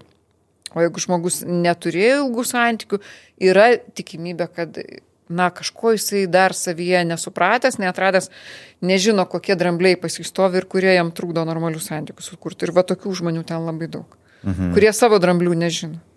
Nu, aš manau, kad visi žmonės vis tiek sukurti bendrauti ir turėti kažkokį tai gyvenimo partnerį, su kuriuo būtų ilgesnį laiką negu vieną naktį. Tiesiog turbūt yra tikrai, kaip sakot, baimės, su kuriuom žmonės yra susidūrę ir tuomet negali įsipareigoti ilgesnį laiką. Neturi patirties problemų sprendimo, neturi patirties prisiadaptavimo prie kito žmogaus. Čia beje labai svarbus klausimas ir jų paklausti, kiek jie, kokie ilgiausi santykiai ir kaip jie ten tvarkėsi su kokiais dalykais iškyla. Kas yra ilgi santykiai? Na, jeigu žmogus neturėjo bent jau trijų metų trunkančių santykių, o jam jau kokie, nežinau, 40, pas mane būtų didžiulė raudona lempa, kad gal, gal čia ir nebereikia gilintis nieko. Gal tai geras žmogus, bet gal jam yra lemta vis tiek su draugais ir giminaičiais bendraučiam gyvenime, jeigu nu, matyt, kažkokios ten stiprios neigiamos emocijos jame labai pakyla, nežinau, ar į narcisistinę pusę, ar į baimų pasiaukojimą, bet, nu, nu jisai jų ne, neperžengia kol kas ir psichoterapeutais dirbti niekas nenori. O kaip, sakytumėt, va, tas dingimas um, susirašinėjimo eigoje? Taip vadinamas gaustinimas. Dabar, tipinis, tipinis dalykas. Taip, ir jisai tapo, nu, iš tikrųjų aktualus šiais laikais, nes mm. anksčiau vis tiek tas dingimas, nu, kaip jisai, galbūt tu išgirdavai tą neigiamą atsakymą gyvai, nu, tarkim, aš pats man 39 ir aš prisimenu, kai aš buvau jaunas, tai susitikdavai ten, pasišnekėdavai, nu atsiprašau, ten nemanau, kad mums pakeliui ten galim likti draugais ir panašiai. Dabar viskas tapo kitaip. Tai yra tiesiog, pavyzdžiui, netrašiau, užblokavau numerį, a, dingau ir viskas. Mhm. Jausmas yra labai išlikštus. Labai išlikštus. Kai tu nežinai, kas atsitiko, kur žmogus dingo. Ane? Tai įvairiai gali reaguoti žmonės. Vieni gali būti mažiau empatiški, jiems nusispjaut. Nu, dingo ir dingo, kita bus. Ar ten kitas bus. Kiti gal labiau empatiški išgyvena ir turėjo, pavyzdžiui, patirties ir gali prisigalvoti visokių dalykų, mm -hmm. kokia nelaimė ir panašiai. Mano mm -hmm. gyvenime yra tai buvę, kad a, mergina dingo ir nebe priežasties. A, jinai pateko į avariją, okay. jinai pateko į komą ir po to mm. dėja paliko šį pasaulį, bet tai buvo. Ir tai buvo priežastis, nors aš jau a, stereotipiškai prisigalvau visokių -hmm. nesąmonių savo galvoje. -hmm. Tai kodėl tai tapo taip populiaru, a, tiesiog paimti ir dingti. Dėl to, kad tokia galimybė tiesiog atsirado. Taip, taip, vat, šitą irgi mes diskutavom ir su psichoterapeutais schemų terapijos, net tarptautiniam lygiai tokia diskusija buvo, kad iš tikrųjų anonimiškumas iškelia iš mūsų pačias bjauriausias savybės. Va jeigu čia tu būtum savo draugų ratas, ten koks 20 žmonių ir tu susipažinai su kažkuo, tai ir tau tas kažkas nepatiko, va, kaip sakoma, nepaėjo tai tu tikrai nedingtum, ar ne? Tu gražiai kažkaip atsiprašytum, paaiškintum, dar galbūt sugertum tos pusės piktumą, dar nuramintų, dar kažką padarytum. Tam, kad viskas išsilygintų ir kad, nesus, kad prieš tave nenustatytų draugų, kad nesiskūstų, kad e, dabar, kai tu esi pats vienas ir nieks tavęs neidentifikuos ir niekam nepasiskūs, tai staiga paaiškėja, kad labai daug teisų po žmonės atsiranda ir žmonių išlenda pačios bjauriausios savybės ir, ir todėl mus taip ir sužeidžia. Todėl pažinčių portalai yra, nors labai plačios ten galimybės kažką sutikti, tai yra labai žiauri vieta, vieta ne iš lengvųjų, nes žmonių elgesys, anoniminių žmonių elgesys, net normalių žmonių yra labai bjaurus. Ir va tas dingimas yra dažniausias bjaurumas ir yra dingimas, nes kad tave ten užpultų, ten pradėtų kaip nors žeminti, čia yra daug retesnis dalykas. Ypatingai retas, netgi galima sakyti. O dingimas yra ypatingai dažnas.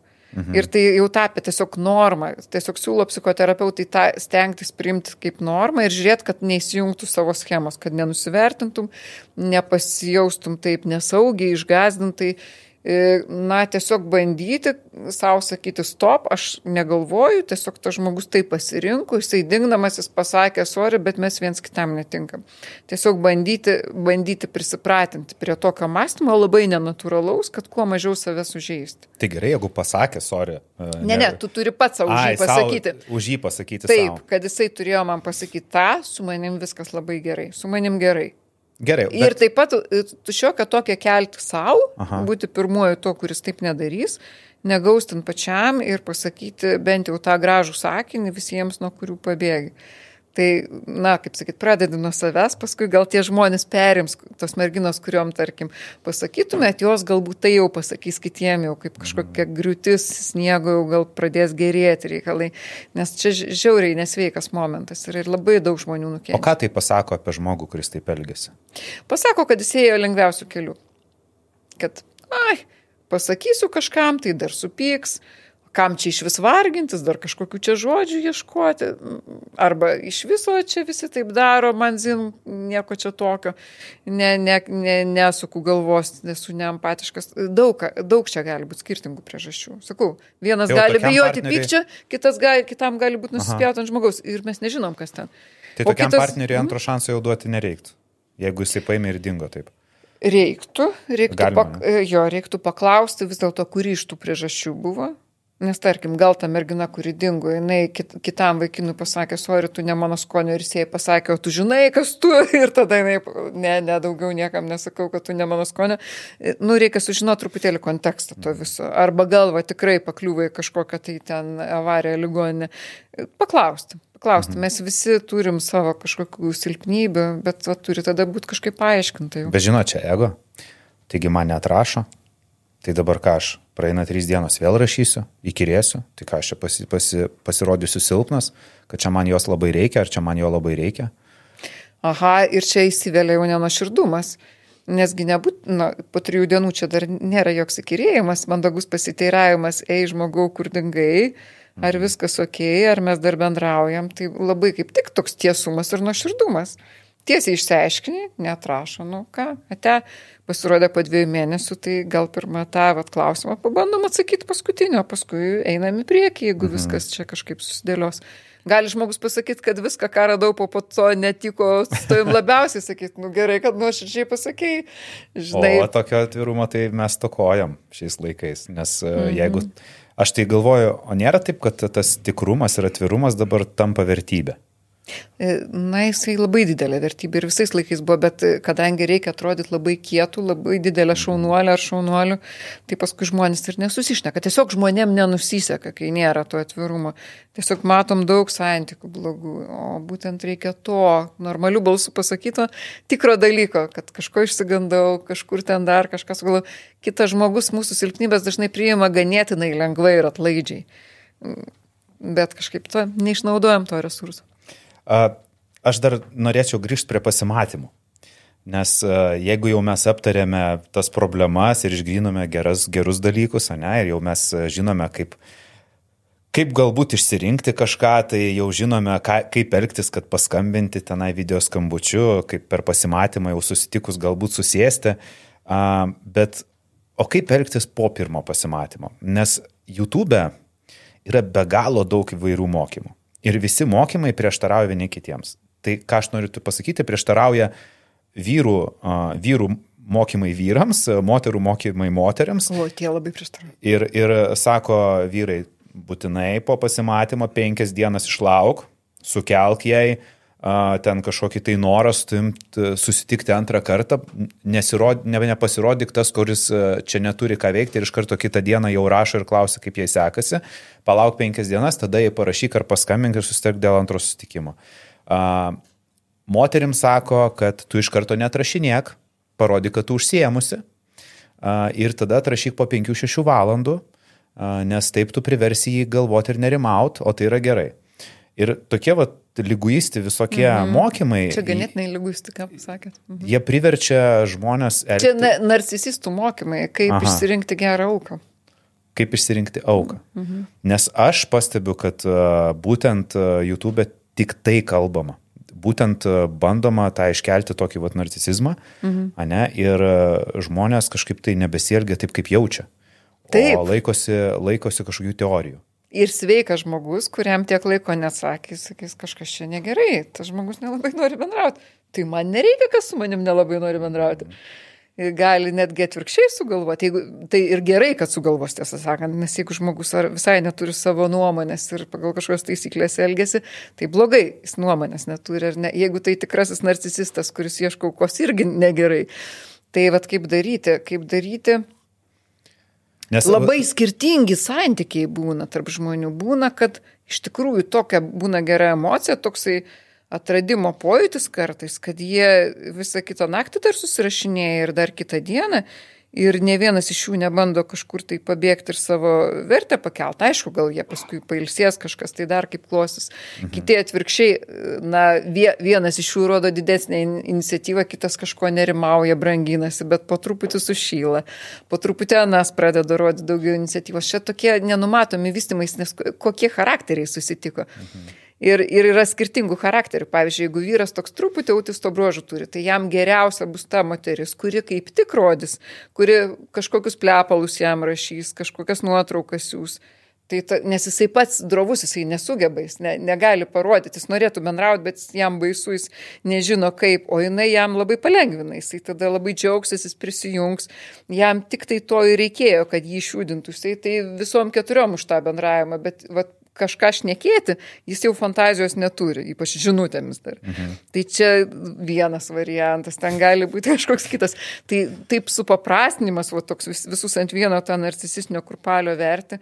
Aišku, truputėlį, va, vienas procentėlis tiesos tame yra, kad jeigu taip nusistovi, kad visą laiką vienam labiau reikia ir tas vienas esi tu pats, tai truputėlį siūlo vos vos tą balansą palyginti. Nu, nes su laiku tu galvosi, kad Kad aš kita tik, pusė tik nepriprastų, kad tu vienas siūlaisi, vienas taip. atsiprašinėjai, vienas nori.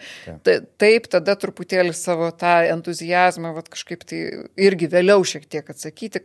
Kažkaip ten ta kita pusė nuskaitys per pas, pasąmoningai nuskaitys, kad tu jau kažkaip tai truputį pasibrangini ir tada paskubės tikriausiai, o gal net ana pusė ir norėjo daugiau iniciatyvos parodyti, mhm. bet visą laiką už akių užbėgdavo ir nebuvo net vietos tai iniciatyvai. O kur yra, gal yra kažkokia taisyklė, ta, tar, tarkim, uh, vaikinas kviečia tris kartus, o ketvirtą kartą jau laukia, kol mergina galbūt pasiūlys susitikti, iniciatyvos imsis, ar ten dešimt kartų, nežinau, nu kažkokia yra taisyklė, kad ne, e, neįklimti į mhm. tą tokį jau, kaip sakant, pasikartojantį efektą, kad vaikinas tik inicijuoja, vaikinas pirmas rašo, vaikinas pirmas teiraujasi ir po to jisai tikrai gali pagalvoti, kad aš čia visą laiką viską aš mhm. inicijuoju, tai, o iš jos jokio dėmesio, ai, tai turbūt aš jai neįdomus.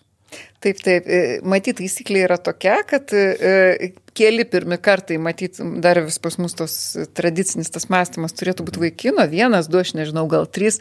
E, ir po to turėtų įvykti atviras pokalbis, kad, žinai, man patinka, kai du siūlo, aš tada irgi nežinau, kiek tau reikia, gal aš ne tą siūlau, ne tada siūlau, tai aš laukiu iš tavęs dabar pasiūlymo arba aš, aš, aš noriu su tavim pasitart, kad gal bent jau kas ant, apytikrai, kas antrą kartą, aš nežinau, ar du kartai mano, du tavo, bet kad tada tikrai mes jausimės abu gerai, aš irgi jausiuosi reikalingas ir, ir, ir žinosiu, kad nepersistengiau, neperkroviau tas, tiesiog pasikalbėti ir, ir jau tada paleisti, paleisti nebebijoti, jeigu iš kitos pusės tos iniciatyvos e, neteina, tai irgi svarbu ženklas, jeigu ten žmogus pasyvus ar intravertas, na, žiūrėti, galbūt gali, gali ir pasiūlyti, bet tada jau tas žmogus turi atidirbti susitikimo metu, tarsi, mm. nežinau, ar būti mėle, mėlesnė, ar, ar kažkaip su tavo sąlygas lengviau priimti, turi vis tiek kažkoks viduje lygybės jausmas būti. Gal tu vieną siūlai, bet kitas žmogus labai gerai prie tavęs pristaiko,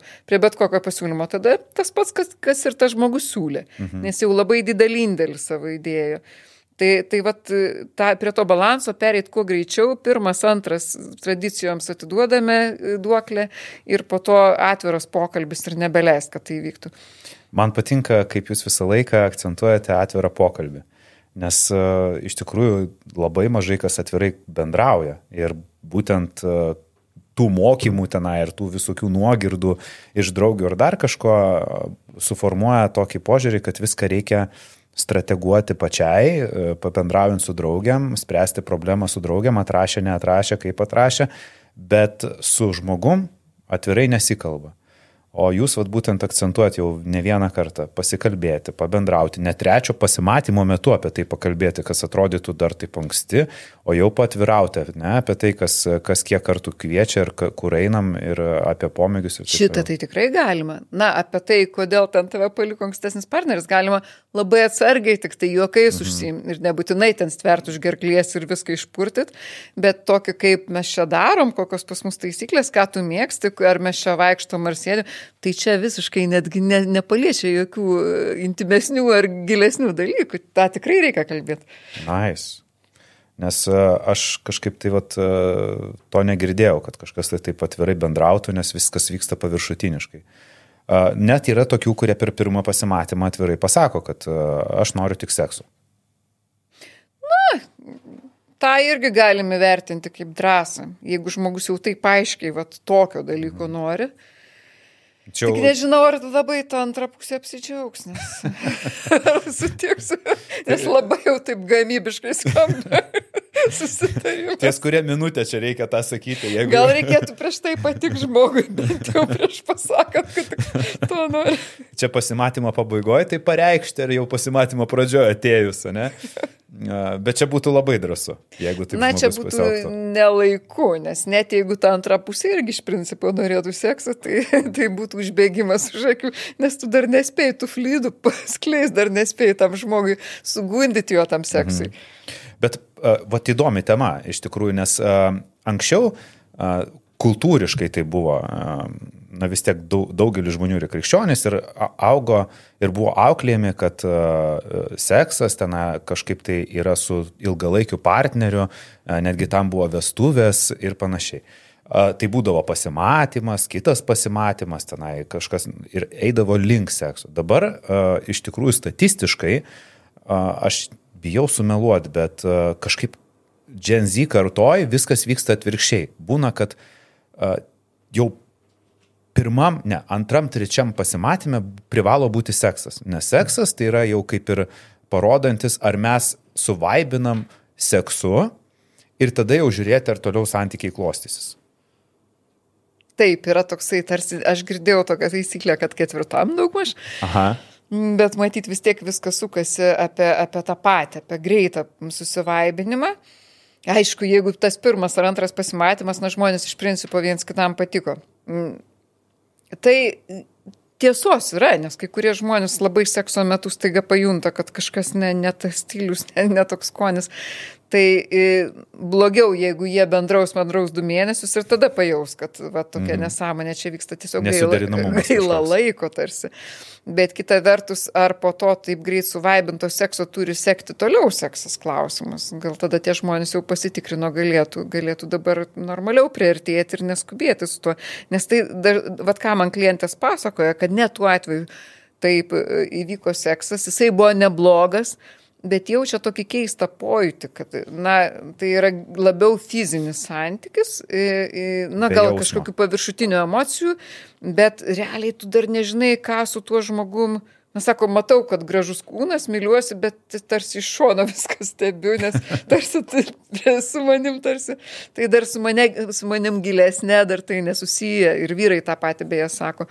Tai matyt, paskui jau reikia kažkaip tai įsidraugauti, jeigu jau taip, taip reikėjo pasitikrinti. Na, pasitikrinti, pasitikrinti matyt reikia, ne, ne po vestuvę. Aš irgi, irgi tos nuomonės lieku. Gal galima ir daugiau surizikuoti, gal nebūtinai per antrą, trečią kartą, gal daugiau. Galų gale, jeigu geras su žmogumi bendrauti, jisai toliau liks draugas, net jeigu nesuvaibinsi. Tai va, Taip. irgi netaip jau čia baisiai daug prarandi. Bet šitoje vietoje, pavyzdžiui, Petersonas, jisai sako, kad Dženzy karta daro didelę klaidą, jog skuba, nes uh, nepatiria tikro sekso, uh, kuris yra emocinis. Nes seksas, mhm. kurį tu patiri su žmogum, su kuriuo esi emociškai, jautiesi gerai. Ir seksas, kur tu dar emociškai, emociškai su žmogum nesijauti gerai, yra du skirtingi dalykai. Labai skirtingi. Tai. Ir uh, tas vartojiškumas, kai tu užsimi seksu per trečią, antrą, ketvirtą pasimatymą, e, jisai nėra tas tikrasis, kurį tu turėtum po dviejų, trijų mėnesių. Taip. Tai kaip va dabar uh, ir, ir jie nepatiria to emociškai tobulo sekso, uh, kur žmonės pilnai įsijaučia ir atsiduoda ir Oi, būna, būna akimirkoje. toli. Ta jie patirs dar vėliau, e, bet matyt kažkur tai čia tarp to ir ano turėtų slypėti. Nes aš irgi sakau, kad jeigu vieną kartą jau taip neramu ir reikia pasibandyti, tai gal tas kitas kartas turėtų būti kažkur gerokai toliau atidėtas. Mhm. Nes, nes tikrai... Tada dar į pasimatymus pavaikščioti ir Dar, dar pasižiūrėti, okei, okay, užskaitėm, seksas važiuoja. Aišku, reikia turėti omeny, kad jis nebus toks nuostabus, iš tikrųjų, kaip Petersonas sako, nes, nes kažkuris iš dviejų bus ko gero smarkiai įsitempęs. Mhm. Tai jeigu mergina bus įsitempus, tai ko gero jinai nieko daugiau ir nesitikėjo. Kad čia tai bus, jeigu vyrukas gali jam iš viso sudėtinga būti, jeigu jis persitems per tą pirmą seksą ir jam kažkas neišeis. Tai dar ir tą reikia turėti omeny. Beje, kuo, kuo vyresnio amžiaus, tuo labiau reikia turėti tą omeny. Ir, ir tiesą netgi. sakant, vyresnio amžiaus vyrukai netai baisiai skuba į tą trečią, ketvirtą kartą į, įvažiuoti, nors juos irgi labai įma nerimas, kad moteris nepasirodytų šalta, kad kažkokios nesąmonės neišlystų. Vien žodžiu, iš nerimo visi tą daro. Mhm. Bet jeigu tą nerimą gali atlaikyti, tai taip, geriau būtų atidėti ir patirti tą geresnį seksą artimesnių žmonių. Bet jeigu nerimo jau negali atlaikyti, tai kažkokį tarpinį seksą varnelę pasižymėti ir važiuoti iki tolesnio geresnio. O kokie turėtų būti lūkesčiai seksui, būtent pirmą kartą susipažinus ir būtent taip skubant, per trečią, ketvirtą pasimatymą. Taip, Nes, jie neturėtų būti labai dideli, kad būtinai abu du patirs orgasmą tikrai nereikia įsivaizduoti. Matyti, tai turėtų būti pasižiūrėjimas, galėtų būti, nesakau, kad turėtų ir reikia to sekso būtinai tuoj pat, bet jis galėtų būti pasižiūrėjimas, na, kažkokio temperamento, glamonių, gal net, net vat, sakysim, kvapas, sako, labai reikia, kad kvapas mhm. patiktų. Bet jeigu stresuoja žmogus, jo kvapas netoks geras, kaip vis tiek pra, pra, streso prakaitas, taip. taip vadinamas. Tai ir ties tuo kvapu, Tas tai rie- baisiai ne, riebalo kvapas. Kažkokio tokio, na, pajausti, tokio, kaip sakyti, bendrumo, prisilietimo, va, prisilietimo džiaugsmo šiokio mhm. tokio, kad štai du vieniši žmonės, na, darom tokią prielaidą, kad jie vakar nesimylėjo su kažkuo. Ir, ir kad jie gauna tokį, kaip sako, vat, seksas tokia vis, visoms tautoms, visokių charakterių žmonėms prisilietimai, seksas yra suprantama kalba. Tai tiesiog pasidžiaugti tuo tokiu Artumu. artumu ir žiūrėti, na, ar jisai, na, kažkaip tai, ar jisai mielas, ar yra čia kažkas mielo ir ne, ne, nespaus nei iš savęs, nei iš partnerio nelaukt, kad va, tai turėtų jau būti tas seksas, kokio aš ten įsivaizduoju, svajoju. O kokia pornografija turi įtaką? Nes pornografija išplito nu, tikrai plačiau negu buvo prieš 15-20 metų. Mhm. Didelė jinai turi įtaką na, lūkesčiam? Na, bet imkim, tarkim, ne pornografinę priklausomybę, nes ten yra jau visai prastai. Tiesiog, O kas yra tiesiog gerai? O kas yra, priklausomybė yra tai, kad jinai naudojama labai dažnai Kas yra dažnai? pornografija ir masturbacija, tarkim, e, kartą, du kartus per dieną, mhm. tok, tokiu dažnumu jau, tai tada toks virukas, jisai, jeigu su moterimi jam tiesiog nelabai išeina. Apie moterų pornografiją dėja daug mažiau žinau, žinau, kad tokia yra, bet tarsi, tarsi tokių baisių pasiekmių dar, kad vat, mes labai spręstume neturi. Bet... O ką turėtų meni neišeina? Neišeina nepakankama stimulacija, tiek vizualinė, tiek fizinė.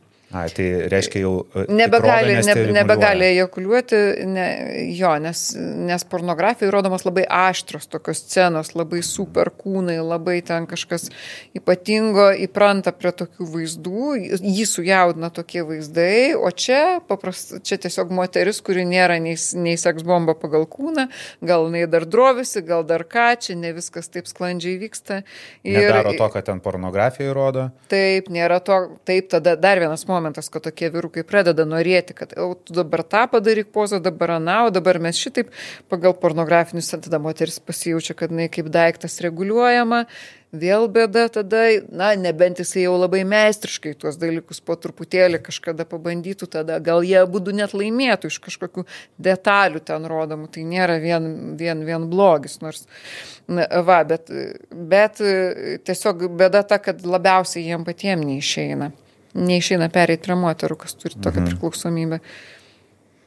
Nu įdomu. Aišku, aš įsivaizduoju, kad nemaža dalis moterų irgi žiūri pornografiją ir turbūt įsivaizduoja, aš, aš irgi nesusidūręs su moterų pornografija, nesu vyras, bet turbūt vis tiek yra procentas moterų, kurios žiūri ir... Dažniausiai jos tiesiog užsima masturbaciją be pornografijos. Be nes, nes gėda vyram paaiškam, kaip jisai turėtų jom padaryti orgasmą. Šitas daug dažniau būna. Mhm. Pornografija šiek tiek tik tai naudoja. Mhm. Tai jeigu to pirmo sekso metu a, iš to nerimo, taip skubant trečią, ketvirtą kartą, nepatiriamas orgasmas, tai nėra red flagas. Ir... Oi, ne, ne, ne, nėra, bet aišku, reikėtų klausti žmogaus, va, jeigu konkrečiai kalbėtis. Moterį, Man patinka kalbėtis. ar turėjo orgasmų, koks jos orgasmas. Šitoje vietoje labai labai baisu kalbėti žmonės, nesikalba net su psichologu, nesikalba su partneriu, su kuriuo jau yra penkis metus. Čia yra tokia gėdos dozė ir tai keista, nes tai yra jauni žmonės, kurie viską gali pamatyti internete ir tai yra nie. E, bet vis tiek tai yra baisiai, baisiai gėdinga sfera. Mhm. Tai va čia kalbėtis, jau reikia tą žmogų tai pamėlynavusi, ta... paraudonavusi, tamsuoju kalbinti ir bandyti išlaužti, nes labai užsispira žmonės, nesako, čia yra ką veikti. Tai mes čia atviriau kalbėjom, negu žmonės santykis atvirauja. Tai taip, apie, apie šitą tai jau netvirauja. Čia ir pas, psichologui nesako. Sako, viskas gerai, po dviejų mėnesių sužinai, kad ne vieno orgasmo nebuvo dar gyvenime, nors jau 35 metai, va, va taip. Va. Oho. Nu jo, tada verta tikrai pasiekti. Arba nebuvo ne vieno orgasmo su vyru, o tik tai pačiai buvo, jeigu čia moterį turėtume. Tokių pilna, pilna. Tai va, kalbėkitės. O vyrams sakė, suvaidinau viską. A, nu tai taip. Bet dėl to nenoriu sekso, nes kiek čia vaidinsi. Na, skauda galva. Taip toliau. Taip, taip. Aš dabar apie problemas noriu pakalbėti, su kuriuom susiduria žmonės. Mes kai kurias aptariam, bet labai dažnai iš moterų girdime. Nėra normalių vyrų. Hmm. Nėra normalių vyrų tam Tinderį. Nu tiesiog. Nu, vat, o, tai tipiškai, labai tipiškai. Taip. Tai tada, o kas yra normalus vyras? Taip, kai jos turi omeny normalų vyrą, e, tai visų pirma, jos turi omeny vyrą, kuris nu, kažkaip normaliai siūlis ar atsilieps, tą pradės palaikyti tą santykių dažnumą kažkokį tai logišką, be, be pabėgimų, be, be gaustinimų, be dar kažko tai. Uh, tą dalyką. O kas e, yra a, normalus tas santykių vystimas? Na, kad jisai, nežinau, rašys žinutės, na bent jau kas porą dienų, siūlys pasimatymą bent kas savaitę. Vat kažkas, kas veikų protų mes įsivaizduojame tokį, atsiliepsi jo žinutę ne, ne po paros, o, na, nežinau, bent po dviejų valandų, e, pavystis tą pokalbį, nepabėgs ten iš karto Taip. vėl, vėl visai dienai.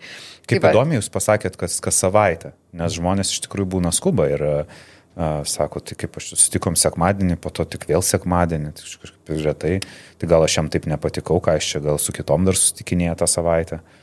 Na, kažkoks tai toks, pagalvokime, būdų sveikų protų, kas kiek laiko, na gal kas keturias dienas, bet jeigu mhm. žmonės ką tik susipažino ir jau kasdieną bendrauja, na irgi kažkuo kvepia, gal nerimų labiau, nes jie turi savo gyvenimus, savo ne? Kodėl jie taip staiga viską metė, tas irgi kažkaip keistoka. Tai va, tai savaitė yra labai normalus tarpas pradžioje, gali būti mažiau, bet, bet mhm. paskui jis turi truputėlį mažėti, bet po truputį vat, vis dažniau. Tai reiškia dažniau. vyras inicijuoti, atrašyti. Uh, Šiek tiek inicijuoti. Šiek tiek Leisti ir jai painicijuoti, kad jinai ten neužmigtų. Mhm. Arba, arba kad sužinot, kiek jinai visko nori, gal jinai tik leidžiasi, gal jai visai neįdomu. Tai va, tai, tai vyras tas turi kažkaip tai rodyti tą normalų bendravimo interesą. Uh, Antras dalykas, turi jie mokėti nors kiek pasidomėti, kažką paklausti, atreaguoti tai, kai jinai pasakė, o ne vien tik tai apie save kalbėti.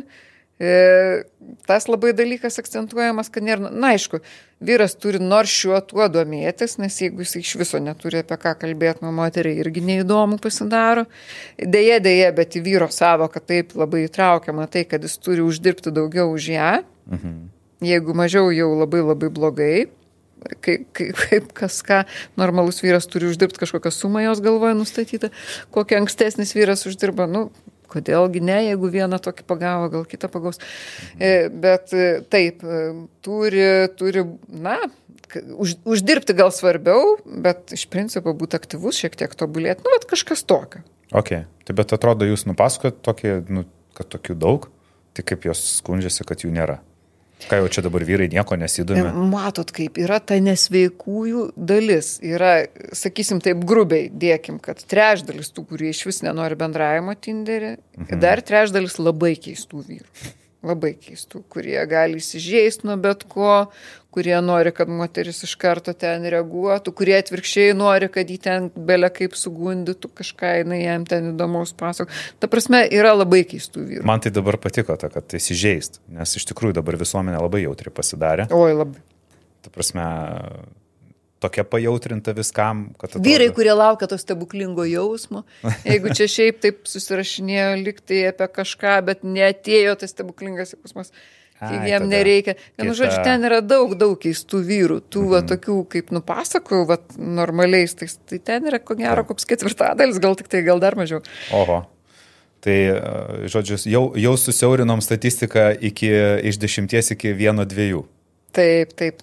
Ok, nu tai tai ir pasiteisina tas, kad uh, lūkestis, ne? Tai jeigu mes sumečinom su dešimt, tai su vienu, dviem verta susitikti, tai jeigu su iš šimto uh, tokių dešimt, o iš tų dešimt tik tai vienas bus geras partneris. Tai reiškia, šimtą reikia mečų turėti. Na tai kad... taip, tai va ir gaunas tas pusmetis, kur paskaičiavam, kur taip. vienas naujas susitikimas per savaitę, naujas. Taip. Wow. Ne, ne tas, kur tu ten tikrini, jau eini į antrąjį, gal dar išeis. Mm -hmm. Ne, naujas. Nu, čia darbas. Čia darbas. Čia, čia darbas, čia, darbas. čia turi jau tokį nusimatyti vakarą etatą po dvi valandas.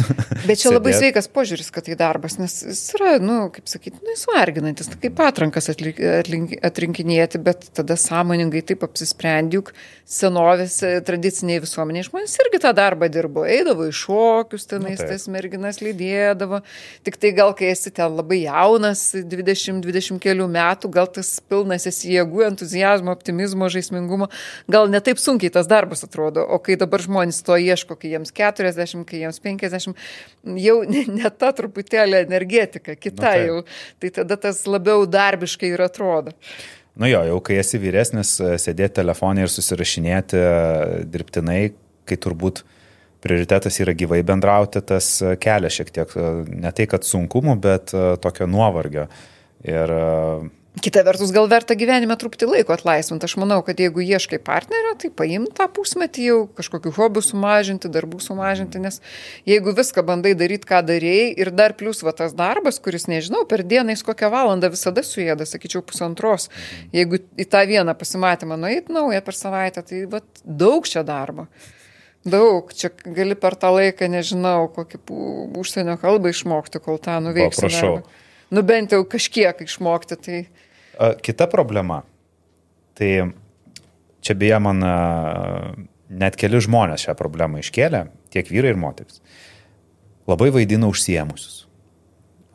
Ir ten pakviečia vaikinas merginą į pasimatymą, sako, tai galim susitikti. Nu, sako, nežinau, gal sekmadienį, ten susirašinė antradienį, nežinau, gal sekmadienį pusvalanduką ir turėsiu. Tai sako, nu tai kaip jinai dabar per visą savaitę neturi pusvalandžio kavą išgerti, tai reiškia labai nenori. Reiškia, galbūt uh, nepatikau.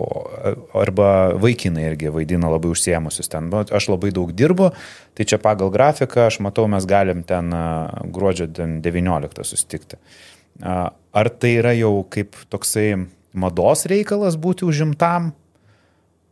Nes aš įsivaizduoju, kad galbūt tai turėtų vykti kažkaip tai daugiau spontaniškai, ekspromptu, kas būtų fainiau ir mieliau, nes aš įsivaizduoju, jeigu žmogus jau užsiregistravo į Tinderį ir jisai ieško a, pažinties, tai nu tikrai gali rasti laiko, kad ir rytoj ar ten po vienos, dviejų, trijų dienų susitikti tam pusvalandžiu ar valandai. Aha, įdomus klausimas kodėl jie taip užsiemė, ar ne, tas, kuris ten e, pusvalandų. Nes jeigu tu jau tai, in, in, turi Tinderį, Taip, tu geit atėjai santykių ieškoti, tai kaip tu čia to laiko neturi? Tai kas su juo gali būti? Man iš karto dvi hipotezės ateina į galvą. Vienas, labai paprasta hipotezė. Jam dar reikia nueiti kitus tris pasimatymus, su kuo jis jau susirašinėja vienu metu, nes, būkim atviri, žmonės šiaip susirašinėja su keletu iš karto, nes mhm. bet kuris gali pagaustinti čia tuoj pat. Tai, kad tu tą vieną pasimatymą per savaitę laimėtum, tu tikrai turi susirašinėti kaip minimum su penkiais, septyniais. Ir dabar su tuo susitarėjai penktadienį, su tuo ketvirtadienį, nu galų gali ir savo draugus turi pamatyti. Tai dar, nu, tai dar šeimą pamatyti. Iki šim šeštadienį, taip. Ir gali būti, kad keli tie susitikimai bus labai nemalonus, reiks atsistatyti. Tai va, tai greičiausiai susitikimų daugiau. Kitas dalykas, jeigu žmogus ne, neina su, su daug ko į susitikimus, tarkim, čia toksai tik pradėjo, arba jis iš principo nemėgsta, su vienu pradeda, kol neišaiškės ir tokių yra nuseklių žmonių, tai jisai, žmonės vieni gyvendami, ypač po, po skirybų, kokiu nors nemaloniu jie tipiškai bando užkimšti visą laiką kažkuo, nes jiems sėdėti ir žiūrėti keturias sienas, jiem yra liūdna. Ir tikrai tai yra liūdna. Nu, tai liūdna, tada jie eina vieną dieną sportuoti, kitą dieną ten dar koks nors hobis, trečią dieną draugai, ketvirtą dieną ten kokios meditacijos, viskas užkimšta tam, kad nepaliktų to vienišo laiko. Ir dabar, kai toks žmogus pradeda susitikinėti, jis tikrai turi dabar iš, iš, iš to viso užimto, dar ir darbais apsikrauna, karjeroje mhm. kažką pradeda siekti, kažko mokytis. Tai va, tai jam tikrai tada reikia kažkur įkišti. Aišku, jis paskui, jeigu čia tas, na, bet aišku, trečias momentas, o jis turėtų būti ne trečias, o pirmas pagal eilę, kad jeigu taip labai patikai, tai logiškai visą savaitę tavęs nukelt neturėtų. Mhm. Reiškia, tai patikai vidutiniškai. Bet dar nereikia jau visiškai taip nurašyti, nes, nes galbūt iš to vidutiniškai va pradės vystytis kažkas gražaus. Nes jisai gal irgi ten laukia tos tobulos meilės, kur nutrenkė iš pirmo karto, bet paskui žiūrės, o, čia ne iš pirmo karto, čia iš penkto labai fainai pradėjo darytis. Tai kartais ir pakentėta reikia, kad tas žmogus įsitikintų, nes dar abejoja. Aš manau, kad dažniausiai bus ta pirmoji priežastis, jog uh, turi tai. dar kelis pasimatymus ir dėl to nukelia į priekį. Ir tą reikia priimti, kaip ir nu, gaustinimą, kaip ir gaustinimą apsisaugoti, kad čia nesu manim ne ok, čia yra aš dalyvauju tokiai programėlė, kur tokios taisyklės. Atrankoj. Atrankoj. Čia atranka, Taip. čia ikonytės, čia ne aš, čia su mano ikonytė bendrauja. Mm. Tai... O dėl gaustinimo, ar yra kažkokia statistika, koks procentas gaustina? E, ne, nežinau, jinai turėtų būti, jeigu jinai ją įmanoma paskaičiuoti, bet jeigu taip mano klientės, e, ką sako, tai kažkoks milžiniškas procentas, kažkur tai arti 70 procentų tą daro. Labai labai daug. Tiesiog aš manau, tą reikia pasakyti tiem žmonėm, kurie nauji Tinderį, nes jiem tai gali būti. Ir iš karto atsiminiau vieną klientę, kuri buvo pritrenkta Nes tai buvo efektinga, graži moteris, kuri visada turėjo vyrų dėmesio ir realiai pirmą kartą užsirašė į pažinčių programas ir kai nuo jos ten iš pradžių ją palaikino gal kokie 300, paskui prasidėjo susirašinėjimas ir vienas dinksta, antras dinksta, jinai buvo, visiškai to negalėjo savo galvoj suvesti, nes gyvenime su jie joks vyras taip nedarydavo gyvuose santykiuose jinai persito, jinai kažką parašė blogo tiem žmonėm. Ir aš sakau, bet čia taip visi daro. Ir va, tu atvykai į tokią šalį, susipažink su jos taisyklėmis. Tai va, naujiems žmonėm reikia pasakyti, kad čia taip yra, čia kitos taip, taisyklės. Čia kita šalis, kita kultūra. Gerai sakot, man patiko. um, Tai čia iš tikrųjų ir pas tą moterį turėjo ženkliai savivertė sumažėti po tokių dalykų. Taip, taip, jai trinktelėjo per savivertę, jinai paskui, ačiū Dievui, jinai buvo atkakli, jinai pradėjo sus, jau realiai susitikinėti su vienu vyruku, paskui ta, tai atstatė savivertę, tie realų žmonės. Mhm. Kita problema, tai gal čia net platesnė, ne tik programėliai, bet ta aš viską galiu pati. Mhm. Čia toks naujas trendas gal, nežinau, man net būtų įdomu pakalbėti, gal ir galim šiek tiek paliesti, nes e, ta feminizmo e, samprata šiek tiek pasikeitus. Ne, ir e, gal papasakokit, kas yra tikras feminizmas ne, ir kokiam feminizme mes dabar gyvenam. Nes iš tikrųjų būna tokių situacijų, kur, nu, pavyzdžiui, jeigu moteris jau turi savo būtą, nu, jei, tarkim, 35 plus, turi darbą, turi būtą, viską turi, gerai uždirba ir tada sako, tai aš viską pati galiu. Ir jai yra ženkliai sunkiau susirasti vyrą, nes lūkesčiai yra kosminiai.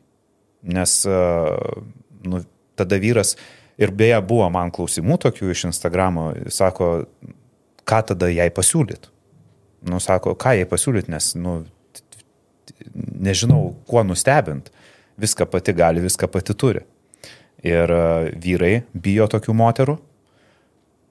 Ir tuomet moteris e, nukenčia ir sako, kad negali surasti normalaus vyro. Taip, čia labai įdomi tema, aš e, tik tai su pačia feminizmo savoka nesėčiau, bet čia šio laikinė tokia, nu kaip sakyti, stipri, pasitikinti savim, savipakankama moteris, taip pavadinkime. Mhm. Ir dar tik tai truputėlį patikslinsiu, kad dalis tų moterų tokios savipakankamos ir tiek visko turi, kad susiranda narcisistus. Sako, o, aš tik visko turiu, man iš vyro nieko nereikia. Ir, ir tampa tarnaitėms tokių vyrų. Tai mm. Tai gali būti dar ir tai, aš turiu ką duoti, aš visko turiu, aš turiu pinigų, aš galiu už jų užmokėti. Tai dar, dar toksai variantas. Na, bet įmam tą, ką jūs nupasakojate, jau tokia e, gal tipiškesnė.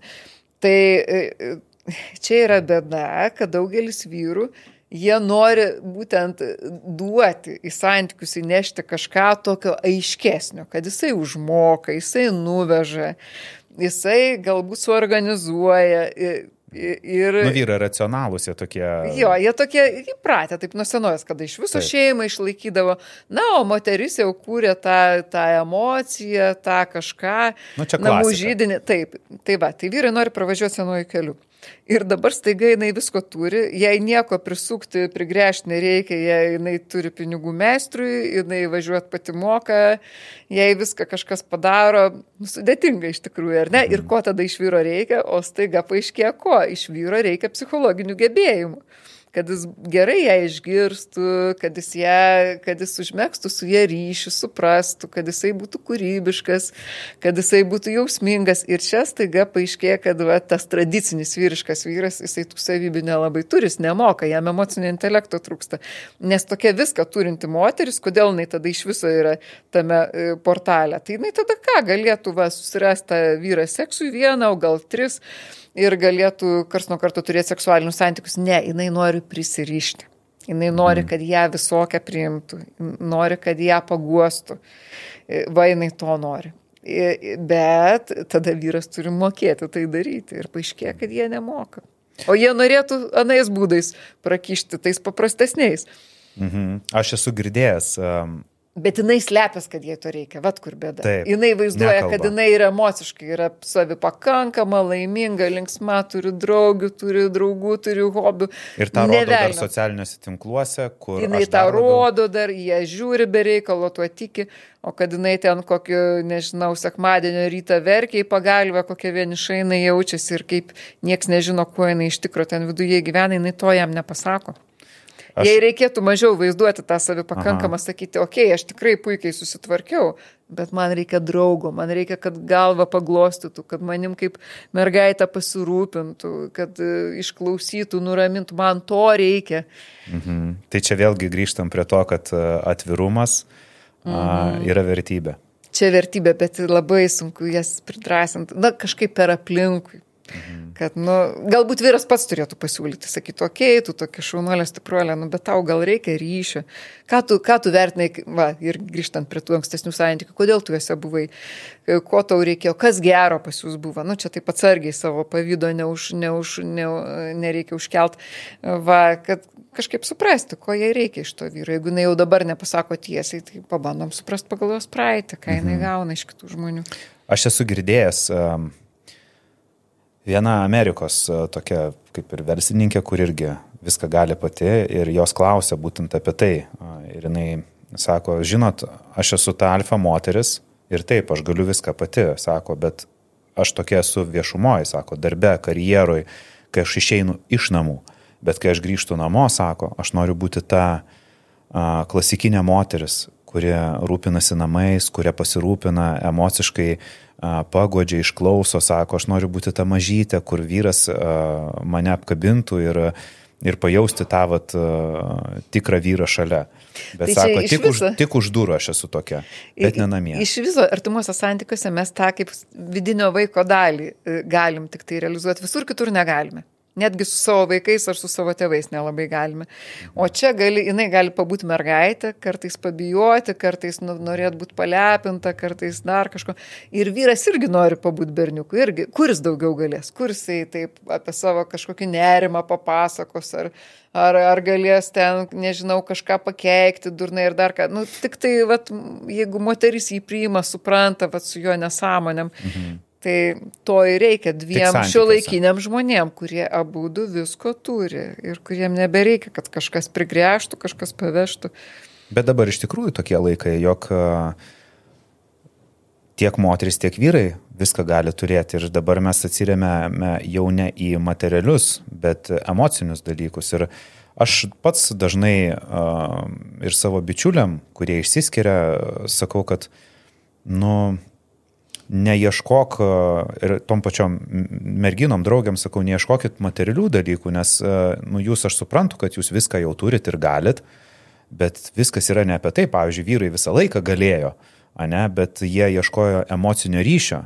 Tai kad jūsų finansinė situacija pagerėjo, jūs ten, tarkim, turit daugiau dabar, jūs ten galbūt e, vyresnės esate ir jau uždirbusios ir panašiai turit karjerą. Uh, Bet uh, netame esmė, vyrui tai tikrai nereikia jūsų pinigų, vyrui reikia emocijų. O jam tai dar mažiau to reikia. Jam taip. netgi truputėlį gali trukdyti, nes jam trukdo tą taip, savo, pajausti savivertę. Taip, taip, savo savivertę iškelti. Bet jeigu jinai, kad ir turės pinigų, bet jam guosis, prašys jo pagalbos emocinės, tai jisai tada, okei, okay, jis Labai tada jausis, kad, o, tvarkoji, aš iš karto, noriu, iš karto noriu paklausti, o kaip su ta pagalba? Nes labai daug kas bijo paprašyti pagalbos aha, kai žmogus bijo paprašyti pagalbos, kartais reikia truputėlį atspėti.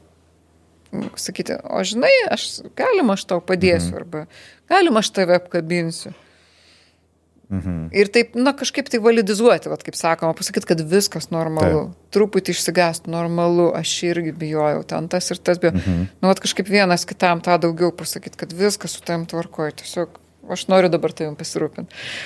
Tai uh, jau einant link pabaigos, uh, gal pabandom sukurti idealų Tinderio profilį, surasti meilę. Nes mes daug kalbėjom apie tai, apie gaustinimą, apie, nu, tą, sakyčiau, tamsėje uh, šitų pažinčių programėlių pusę. Bet jeigu kalbėtume vis, gal, vis dėlto apie tos žmonės, kurie, nu, tikisi sutikti ten meilę. Nes aš savo rate turiu žmonių, kurie o, surado, surado, surado savo partnerius, uh, ištekėjo, vedė ir laimingai gyvena, susilaukė vaikų ir būtent per Tinderį. Kaip sukurti profilį taip, kad jisai kalbėtų apie tai, jog žmogus ieško rimtų santykių ir ką profilyje sudėti, kokias nuotraukas, ką parašyti. Nes aš galiu pasakyti, aš pats esu naudojęs ir mačiau tą problemą, kai sako vyrai, ne, vyrai ne, nežino, ką parašyti, neįdomiai parašė bet juk tu apie save nieko neaprašai. Nu, tarsi įdėta viena nuotrauka, kuri ir taip ten kreiva šlyva. Nu taip, graži mergina, viena nuotrauka, bet jokio aprašymo apie mhm. save, jokių pomėgių. Nu, realiai tu nežinai, ko paklausti, tik tai labas pasakyti. Ir e, kaip turėtų atrodyti idealus profilis surasti meilę? Aha, e, na taip, dabar mm, merginos ar vaikino. Aišku, čia tas momentas, kad įdėtis bent vieną nuotrauką visų ūgių, tai vis tiek mhm. siūlyčiau, kur atrodai, nežinau, patraukliai. E, tas tai tikrai svarbu, nes tiesiog žmonės, kurie svaipinimui skiria ten milisekundės, na jie Jeigu tenais bus tik tai veidas su gražiom akim gali ir ne, net kreipti dėmesio. Bet, bet einam prie sekančio, va tas veidas su akim ir žvilgsniu, tokio, kur atspindi tavo kažkokią tai tipinę būseną, labai svarbu. Mhm. Ir tai... žmonės, žmonės nesupranta, kodėl surezonuos, tu nežinai, kaip va tam tinderį, kaip tą artimą sielą sutikti, bet jeigu ta siela tavo akise matysis, tokia gera nuotrauka, kur matos tavo kažkokią esminę būseną. Mhm šitas, labai svarbu įdėti nuotrauką su savo vienu arba antru hobiu. Mėgsti knygų, knyg, skaityti knygas, e, prie knygų lentynos nusifotografuok. Nes žmonės e, beje skaito aprašymus netiek jau daug, čia ypač merginom tą sakau. Kad gali labai gražų aprašymą pasirašyti, bet vyrai peržiūrės visas nuotraukas, bet gali neskaityti tavo aprašymą. Mhm. Nu, taip, nes my, vyrai myli akimis. Akimis, tai va. Tai, bet čia tai, tiesa? Tiesa, tiesa. Vyrai, vyrai, vyrai netgi stipriau, nors moteris irgi ganėtinai. Uh, Tai va, įdėti savo, jeigu yra pora hobių, įdėk tos porą. Jeigu jau tavo hobiai tie labai tipiniai, kaip ten žvejyba, sporto salė, na įdėk kažką trupučiuką netipinio. Kad tu iš vis išsiskirtum iš tos minios, kad tave, na, žmonės nori kažko originalesnio, kažko, kas turi savo balsą tai įdėt kažką truputį originalesnio, net jeigu iš tikrųjų gyveni neoriginaliai. Mhm. Va, tai tų nuotraukų, kad keturios, penkios kokios būtų, ne, ne, viena, viena yra per mažai, mes mažai galim sužinoti apie žmogų. Atrodo nerimtai. Taip, atrodo nerimtai. Dabar parašyti kažką, tai geriau parašyti, geriau parašyti čia yra sudėtinga pasakyti, ką parašyti. Jeigu rašysi, ką blogiausia žmonės daro rašydami, tai kažką neigiamą, kad nerašyk, jeigu tokia yra nokia. Va, va tokių, va, kur jau, ne, geriau rašyti per teigiamą pusę, ko tu mhm. galbūt norėtum, bet jeigu vėl sakysi, noriu tokio, nokio, trečio, kad ant tą savo princas irgi nesąmonė. Sąrašą tokį dešimt punktų, kad turi atitikti, jeigu, mm. jeigu netitinki, tai į kairę. Taip, savo hobius verta pažymėti, kažką minimaliai pažymėti, e, na, kažką tai teigiamą, kažkokią teigiamą sakinį, nežinau, apie viltį, apie džiaugsmą, kas tavo gyvenime tas yra, ką tu įsivaizduoji apie santykius, sa, savo rušies laimę. Tai va, hobiai, savo rušies laimę. Jeigu rašysi, kokia pati esi, kokį vyrą nori sutikti, čia sudėtingas reikalas. Nes ir save labai sunku aprašyti vienu sakiniu ar keliais ir tą žmogų labai sunku aprašyti. Ir, ir jeigu rašysi va, iš to tobulumo serijos, tai nesąmonė gausis. Aš esu susidūręs vieną kartą su laišku savo. Tokią užduotį iš psichoterapeuto gavau. Aš prisimenu, kai aš sėdėjau ir pati pradžia ta pradėti rašyti laišką savo atvirą apie save. O Dieve, galvoju, nuo ko pradėti? Ir tu taip pasimeti save pamatyti šono, bet kai pradedi, taip gerai, Tai šitoje vietoje, aišku, turbūt profilį daug neparašysi, bet pagalvot verta atsisėsti vis tiek, nes gali, gali labai puikiai apie save keliais sakiniais parašyti, kurie apie tave daug pasakys. Gali pabandyti, čia būtų fantastika. Bent vieną iš tų dviejų pabandyti vat keliais sakiniais. Arba save aprašyti, arba žmogų. Nes vis tiek, kai ieškai žmogaus, tipiškai net pats gali neįsisamoninti, ieškai mhm kažko va šiuo metu nori labai. Tarkim, va, kaip ta mano romano herojai, jinai ten to ieškojo, nolik panašaus į save, kažko, galiausiai suprato, Dieve, man šilumos trūksta, aš sušalusi kaip ledo karalienė, kaip ta mėganti gražuolė, man reikia šilto žmogaus. Tai jinai berots ten paskui vėliau pakoregavo profilį ir rašė tą. Tai jeigu to nori labiausiai ir paskui galiausiai, vis tiek jinai to norėjo, jinai galiausiai tokį ir išsirinko. Ten kažkas kitas netiko, bet mes visada būna, kad kažkokiu metu norim kažkokio žmogaus. Kartais nori aktyvaus žmogaus. Būna, kad keičiasi, turi aktyvų, galvoju, Dieve, daugiau tik neaktyvaus, tik tai kažkokio ramesnio. Tai va tą savo centrinį norą visai neblogai paminėti. Mhm. Kodėlgi ne? bus kažkokia orientacija tam žmogui. Kažko, vienu žodžiu, tu turi padaryti kažką tokio, įsivaizduoti tą savo savą žmogų, kokį jau įsivaizduosi tuo, tuo metu tokį ir įsivaizduok, kaip tam tavo savam žmogui atrodys tavo tas profilis. Ar mhm. jisai tave atpažins pagal tą profilį. tarkim, jeigu tai koks nors gilus, jautrus žmogus ir tu ten įdėsi save super ten kokio jaktoj kažkaip tai efektingai, ar jisai, ar jis neišsigas, pavyzdžiui, tokio super blizgėjimo. Gal jis norės kažko truputėlį nuo širdesnio, gal net su drovumu, gal kaip, pagal ką jis va, turi tave. Mhm. Įsivaizduoju, kaip tas tavo savas žmogus, va, ko, koks profilis jam paro, pasirodytų patrauklus tam žmogui. Taip, kaip įdomiai sakot, įsivaizduoti žmogų, kuriam, kurio tu norėtum, kaip jisai tave pamatytų. Ir būtent jam pristatyti apie save. Taip, nes jisai, vad būtent matys tave nuotraukų krūmoj. Čia kaip geras pičas, e, kai kokį startupą ar ten kažką tai darai verslą ir eini prisitraukti investicijų. Tai pasidomi, kas pas ką eini prisitraukti investicijų ir padarai pičą taip, kad būtent būtų įdomu jiems. Na, va. Tai verslapė, ok. Ir uh, dar vienas toks įsigryninti turbūt uh, pagrindinius dalykus reikšmės, nes uh, Tinderį yra ten, pavyzdžiui, short term, trumpalaikiai mhm. santykiai. O, tai, tai be abejo. Ilgalaikiai santykiai. Ką reiškia trumpalaikiai santykiai? Mhm. Ar tai reiškia būtent tą... Uh, tai reiškia, seksą? kad kaž, kažkaip tai, na, žmogus bijo, bijo tikros meilės, taip pavadinkime. Arba... Bijo apsisprendęs mhm. to nedaryti. Tai, nu, apsisprendęs, tai apsisprendęs, nu, tai tada okay. taip ir aš. O jeigu, pavyzdžiui, yra ilgalaikiai, bet galimi ir trumpalaikiai. Vat man šitas visą laiką toks įdomus. Ilgalaikiai santykiai domina, bet galimi ir trumpalaikiai. Aha, čia matyti apsidraudimą. Tai rašo žmogus, kuris sako, e, jeigu e, aš su tam susipažinau, tai neįsivaizduoju, kad tu mane pagavai ir įsikišai į savo, nežinau, kišenę, kad aš čia tau tarnausiu. Aš pas mane galimi ir trumpalaikį.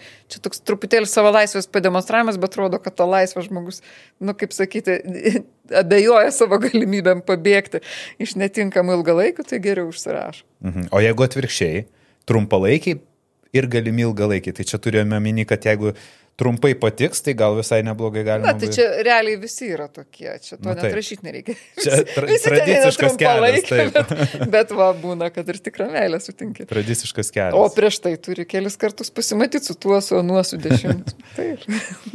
Super. Ačiū Genutė už šį pokalbį. Aš manau, kad e, jisai ypatingai padės tiem, kurie galbūt nebuvo drąsus panaudoti šias programėlės. Galbūt tie, kurie jautėsi uh, blogai naudodami šias programės, pasimetę ir niekada nesidomėjo, ką tie gaustinimai reiškia ir visos toks reikšmės ir tikrai, manau, padės tas būtent patarimas, kaip susikurti profilį. Tai dar kartą sveikinu su nauja knyga. Ir tikiuosi, kad tai yra ne mūsų, mūsų ne paskutinis pokalbis, nes su jumis tai temų galima paliesti be galo daug ir ateityje mes galbūt sustiksime dar kartą. Tai ačiū Jums labai dar kartą.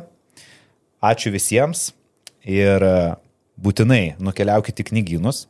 Jūs e, įgykite genutės e, knygą, kuri irgi turbūt padės daugeliui Tikrai. bendraujant per, per programėlės. Ir aišku, kaip visada, nepamirškite uždėti laiko, pasidalinti šio video su, tam, su tais žmonėm, kuriem tai gali būti labai aktualu, o manau, tokių savo rate turite daug. Ir sustiksime jau kitą pirmadienį. Iki.